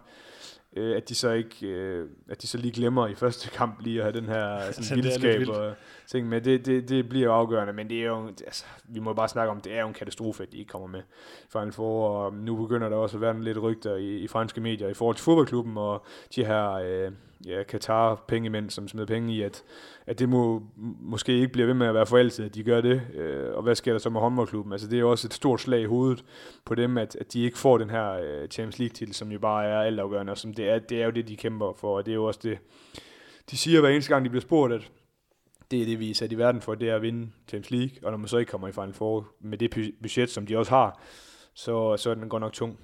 Ja, fordi en ting er, at man, man er sat i verden for at vinde Champions League. Ja. Øh, en anden ting er at kvalificere sig til Final Four. Ja. Og en tredje ting er overhovedet ikke at kvalificere sig til Final Four. Mm. Altså, den, den må ligesom, den der spand med koldt vand, den er Ja. ekstra kold, fordi er den. at der er puttet så mange penge i det, Mm. og så kommer man ikke engang, altså, jeg ved godt, det, det snakker vi også om, Ja. det er svært at komme i Final Ja, Four, det er det. men stadigvæk, altså, Mm.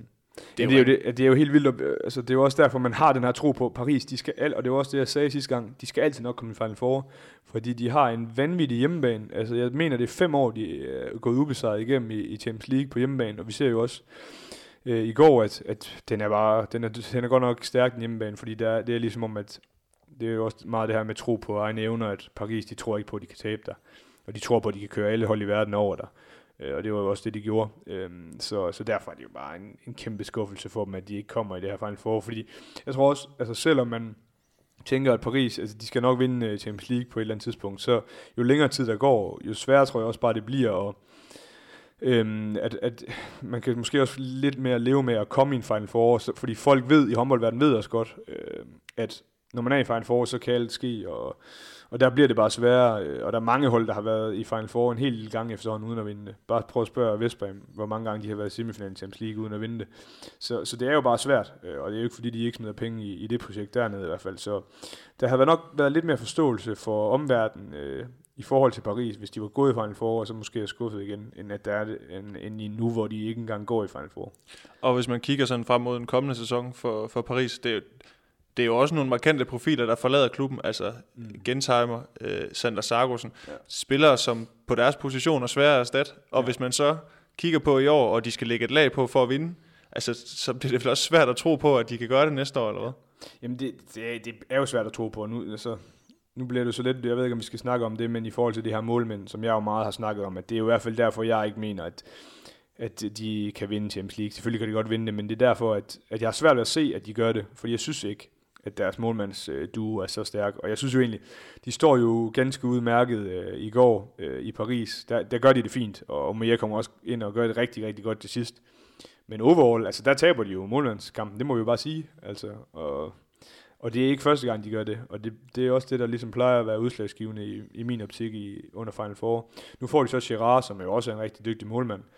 Øh, men som du siger, de mister bare nogle spillere, og jeg synes jo også, det var signalværdien i, at Kielse går ud og melder ud, at de har hentet Dylan Nahi, godt nok først fra 2021, men imellem de to kampe, som jo er et kæmpe talent på venstrefløj i Paris, at, at Kielse så kan gå ud imellem de to kampe og kan melde ud, at prøv at høre, vi nubber lige en af jeres allerstørste talenter, og I er faktisk på vej ned, og vi har lige slået jer med 10. Altså, det er nye tider i Paris, det må vi altså bare sige. Altså, de mister Sargussen, de mister Gensheimer, øhm, så det, og, og alle de her rygter, der går med, at de ligesom drosler ned økonomisk, og at Katar-folkene er på vej ud af, af fodboldklubben og alle de her ting, så altså, det er nye tider i Paris, det vil jeg sige. Jeg, jeg er meget spændt på, ligesom, hvordan og hvorledes det går, men man kan også sige, altså de kan jo sagtens nærmest halvere deres budget og stadig være med helt op i top, ikke? Øhm, det lyder helt vildt at sige. Ja, det, det, er jo det, det er jo det, der er vildt, så på den måde kan man sige, at det kan også godt være en fin ting for dem, at ligesom al den her store, øh, det store pres, det ryger væk fra dem, og at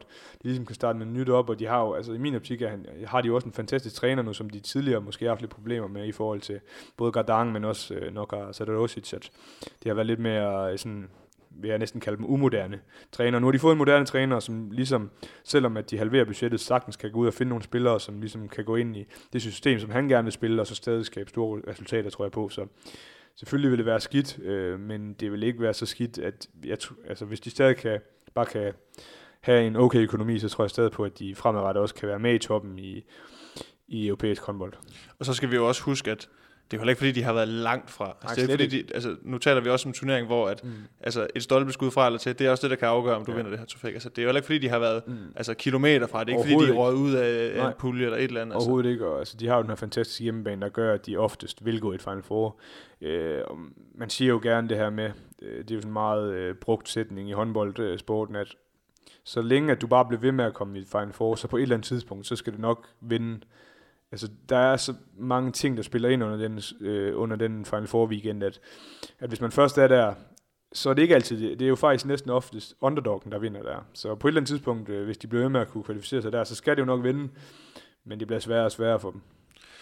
Målmandsposten, der kunne du godt tænke dig, at der skete lidt, men jeg kan også fornemme, at en lidt mere øh, klassisk playmaker-type mm. måske. Det var også noget, der vil klæde det her Paris-hold. Ja, det synes jeg. Altså, nu har der jo efterhånden gået mange rygter, og Sindrich har jo været, Lukas Sindrich har jo været meldt øh, på vej til Paris et par gange efterhånden. Øh, I øvrigt også blevet sat i forbindelse med Barcelona, men der er jo det her Kielse, økonomiske aspekt i Kielse, hvor man ikke rigtig ved, hvor de står. Det virker som om, at de har fået styr på det nu, men, men man ved aldrig. Øh, så altså, jeg tror på, at Raul González øh, jeg tror også virkelig, han hungrer efter en fartskabende playmaker. Og nu mister de jo Sargussen, så umiddelbart må de jo have øh, ligesom noget plads i budgettet til at, til at hente en, til at hente en playmaker. Øh, det skulle man mene. Ja, umiddelbart. Så, så jo, det tror jeg, det vil være det helt rigtige at gøre. Og så, så synes jeg måske også, at Gerard er en, er en stor forbedring af deres målmandssituation. Corrales er stadig en ung målmand, som udvikler sig hele tiden og er rigtig dygtig. Og vi må bare sige, at al respekt for Meyer, som måske er en af, eller som er en af verdens bedste målmænd igennem tiderne. Men han har ikke været lige så god, som han tidligere har været. Øh, og Gerard har bare den her franske arrogance, der gør, at jeg synes, han er måske lidt en undervurderet målmand, som efterhånden har været med på rigtig mange All-Star-hold til de her slutrunder, og som man lidt overser, fordi at han ligesom står i skyggen af Omaye. Øhm, så på den måde er det jo også en, jeg synes, det er en stor forstærkning af dem at hente ham. Øh, så det bliver spændende at se, om, om defensivt det kan gøre noget øh, fordi målmandspositionen jo bare, som vi alle sammen ved, er så fantastisk vigtig i håndboldsporten. Ja, man skulle have været målmand. ja.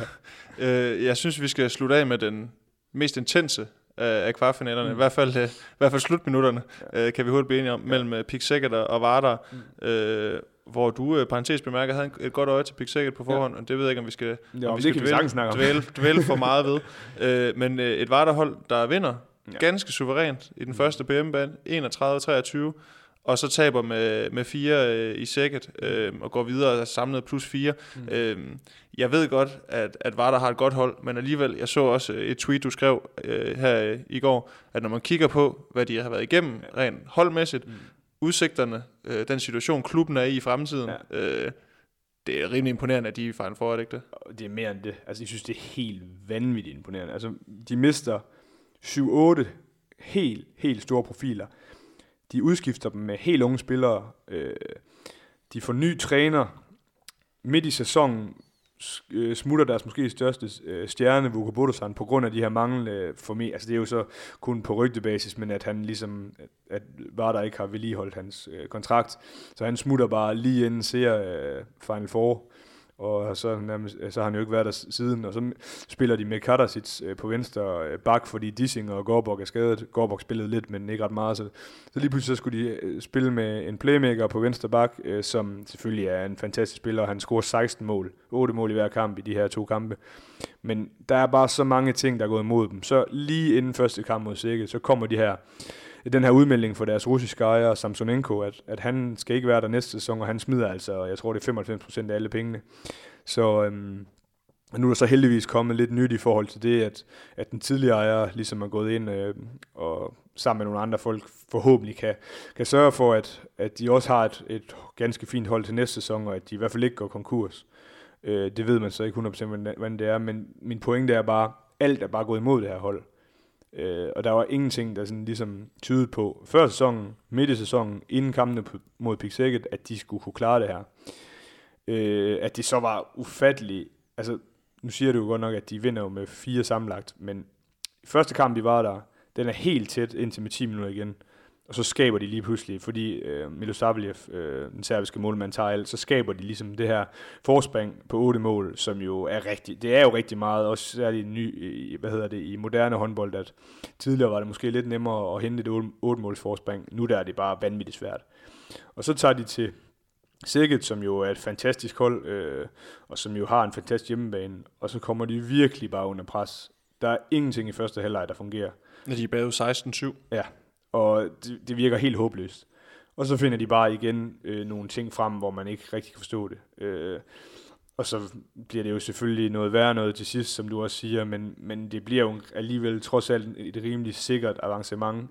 Jeg synes ikke, der var ikke så mange ting, der tydede på øh, i anden halvleg, at det ikke skulle blive bare der øh, som gik videre. Øh, men ja, jeg, jeg må bare sige, at jeg er sindssygt imponeret. Altså, jeg, jeg synes, det er så vanvittigt, at de går i Final Four med alt det modgang, de har haft. Så der, altså, jeg kan også bare kunne sige, at kæmpe respekt for det der øh, projekt, jeg har lavet der. Altså, det er jo klart, der har jo været postet sindssygt mange penge ind i det. Øh, men stadig, altså, de har vundet Champions League.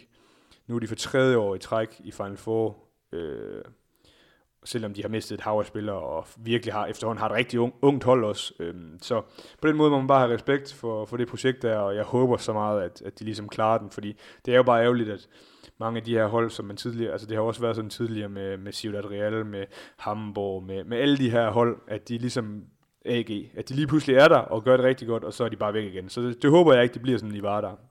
Men det var jo også, altså i den her kamp her, Pixar, det, det ligner jo at de er på vej til fuldstændig og, ja. altså, og, og levere det her mirakel, ikke? Jo. Og så alligevel, så får, så får var der fundet et eller andet i anden mm. halvleg, eller sikkert gået ned i kadence, eller hvad der sker. Så hvad, hvad er det, der, der ligesom gør, at, at sikkert ikke bare fortsætter med at buller derud af, for de havde jo kurs mod Final Four i den her det, første det havde de. Og jeg, altså nu er jeg jo, jeg er jo med far for ligesom at gentage mig selv, så, så er der jo bare nogle ting i en kamp, fordi de spiller jo måske en, eller de spiller en perfekt første halvleg. Bumbarts gør, hvad han vil.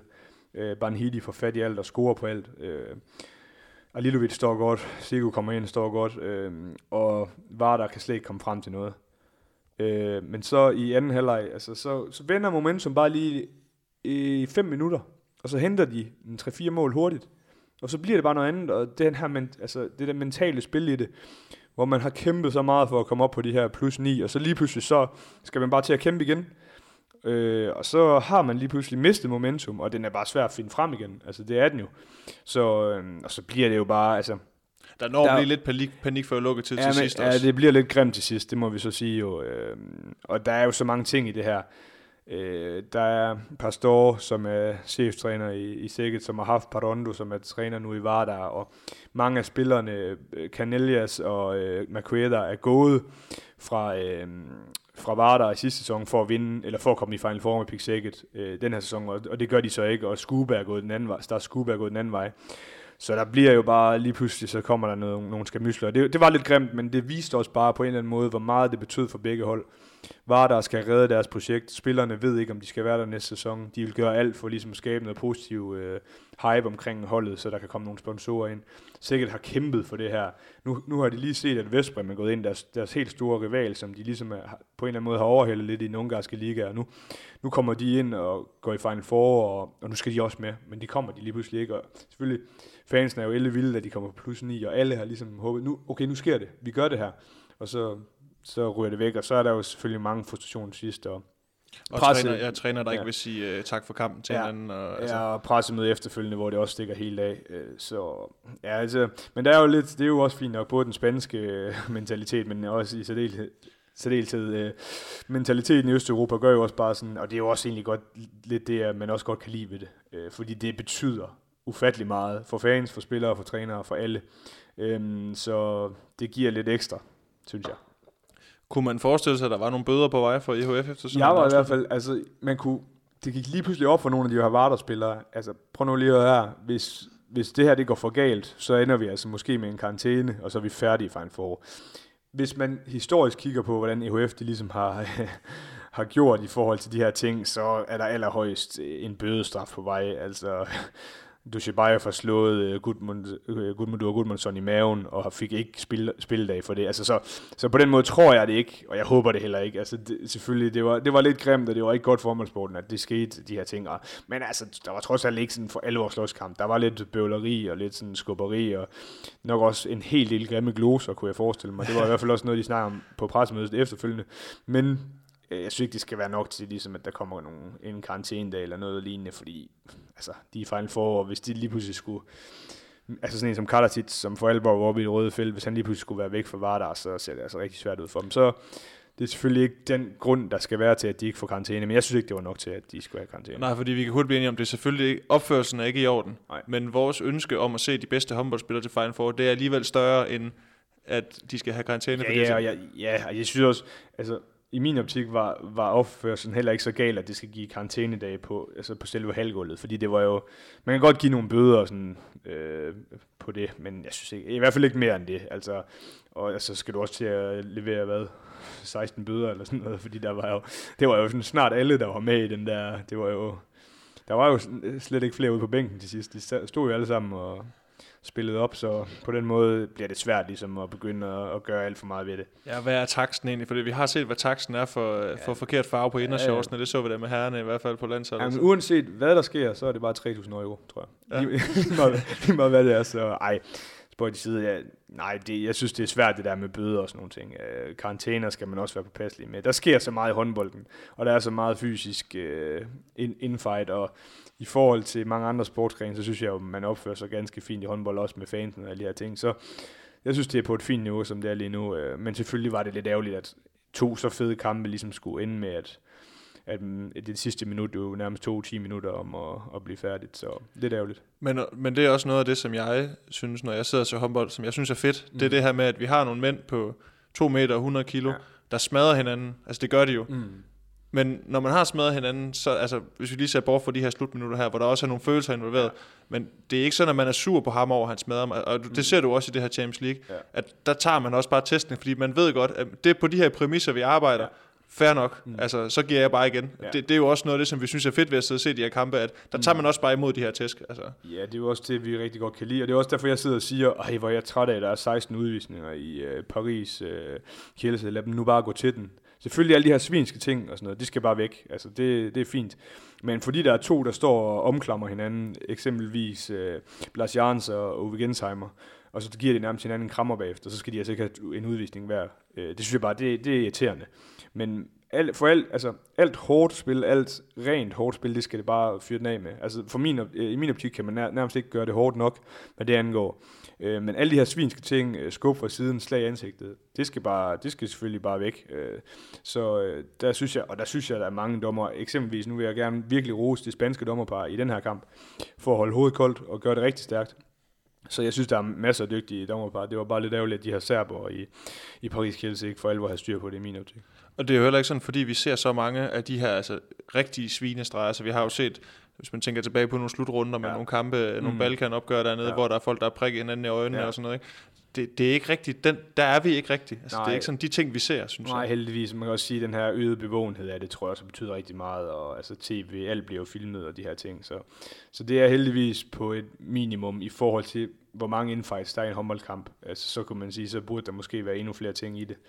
Men jeg synes, det har været fint. Altså, jeg synes, det viser os bare noget om tændingen. Så, så længe det ikke er sådan helt hadsk eller fuldstændig vanvittigt, så, så lad det køre. Altså. Lige en, øh, en sidebemærkning til de her kvartfinaler. Også noget, jeg lige nævnte øh, til dig, inden vi gik i gang, mm. som jeg synes, som jeg havde bemærket. Ja. Øh, nu sad jeg og kiggede lidt på de spillere, der sådan ligger i bagkæden og skal tage nogle beslutninger. Mm. Skube, 176 cm, Bombards 188, Kardasic 189, Sindrich øh, 182. Øh, så talte vi også lidt om, at der er måske et link til, at vi har mange spanske trænere, det er mm. derfor, man har de her typer. Men sammenligner med, med sådan, går vi nogle år tilbage, så var det måske mere de her store skydende playmaker, man havde, ja. kontra nu, hvor det ligner jo lidt, at den her, jeg vil ikke kalde det en klassisk playmaker-type, fordi mm. de her, de er også farlige altså ja. på skuddet, men, men stadigvæk, at der er vel sket et lille skred der i forhold til ja. de typer, er det ikke det? Jo, altså jeg tror også, det, det snakker vi også om inden, at den her store fysiske ting, der bliver, bare, der bliver mere og mere fysisk spil, i håndbold, det gør også, at banen på en eller anden måde bliver mindre, kan man sige. Øhm, og hvem kan så skabe noget overtal, og hvem kan skabe noget fart, så der bliver mere plads til de her skytter, til stregspillerne. Det kan små, øh, hurtige, fartskabende og kreative playmaker. Det kan de bedre end, end eksempelvis øh, store øh, ja, lad os sige for eksempel Paris, lad os bare tage dem som eksempel, som spiller langsomt, at, at de har ikke de her fartskabende typer. Så det bliver sværere for dem at få sat deres baks deres skytter op til gode situationer. Fordi du kan jo eksempelvis se Mikkelse, som har øh, både Sindrich, men også Dushibayev øh, på højre bak, som jo jeg egentlig også vil kalde lidt en playmaker-type, fordi han, han er også god til at gå ind i midten, og han er god til at skabe rum hvor mange situationer får de sat Kulish, øh, deres øh, store hvidruske play, eller vensterbak skytte, op til, i forhold til hvor mange gange øh, de kommer sådan, bliver sat op i spillet Paris. Altså det er jo, det er jo tankevækkende, hvor meget lettere det gør det for sådan en, en stor skytte i ham, for han er jo ikke engang sådan helt sindssygt bevægelig, men han bliver bare sat i nogle situationer, hvor han kan skyde, og det er det samme i, i sækket med, med Bodo, og det er det samme, når Vukobodosan han er med, øh, og Christopans i, i Vardar. Så det gør det bare nemmere at have de her små typer, som også er dygtige til at finde stregspillet, og med store fysiske stregspillere, så, så skærer de bare banen på en anden måde, at der bliver noget andet rum, end når Paris eksempelvis spiller. Så jeg synes, jeg synes det er sjovt at se, jeg synes, ja, Skube, øh, i særdeleshed Bombards, øh, som jo kan nogle ting, hvor man bare tænker, wow, altså det, det er seværdigt på en helt anden måde, end når der kommer en stor Karabatic-mand, som bøvler sig igennem. Og det er, også, det er også flot på en eller anden måde, fordi han er så fysisk øh, overlegen, men det andet er måske lidt øh, mere seværdigt, synes jeg. Bombards, han ligner jo en, der, der kommer direkte ind fra en fortorvscafé, hvor han sidder ja. og smøger hele formiddagen og mm. kaffe. Ikke? Altså han ligner jo heller ikke uh, sådan prototypen på en europæisk håndboldspiller. Uh, lidt, lidt, bare lidt sjov, den der Ja, der er jo de her altså, temposkifte, som vi også kender fra den danske liga i Sebastian Skube. Altså det er bare svært, øh, fordi man helt, der kan hele tiden ske et eller andet, og man aner ikke, hvad han gør. Og han har jo et fantastisk samarbejde med, med Banhidi på stregen, så de finder jo, eller han finder ham i blinde, så så jeg synes, det er rigtig seværdigt, og det er også bare en anden type håndbold. Altså, det er bare sjovt at se på, på en eller anden måde. Øhm, så ja, fed, fed type, altså rigtig fed type.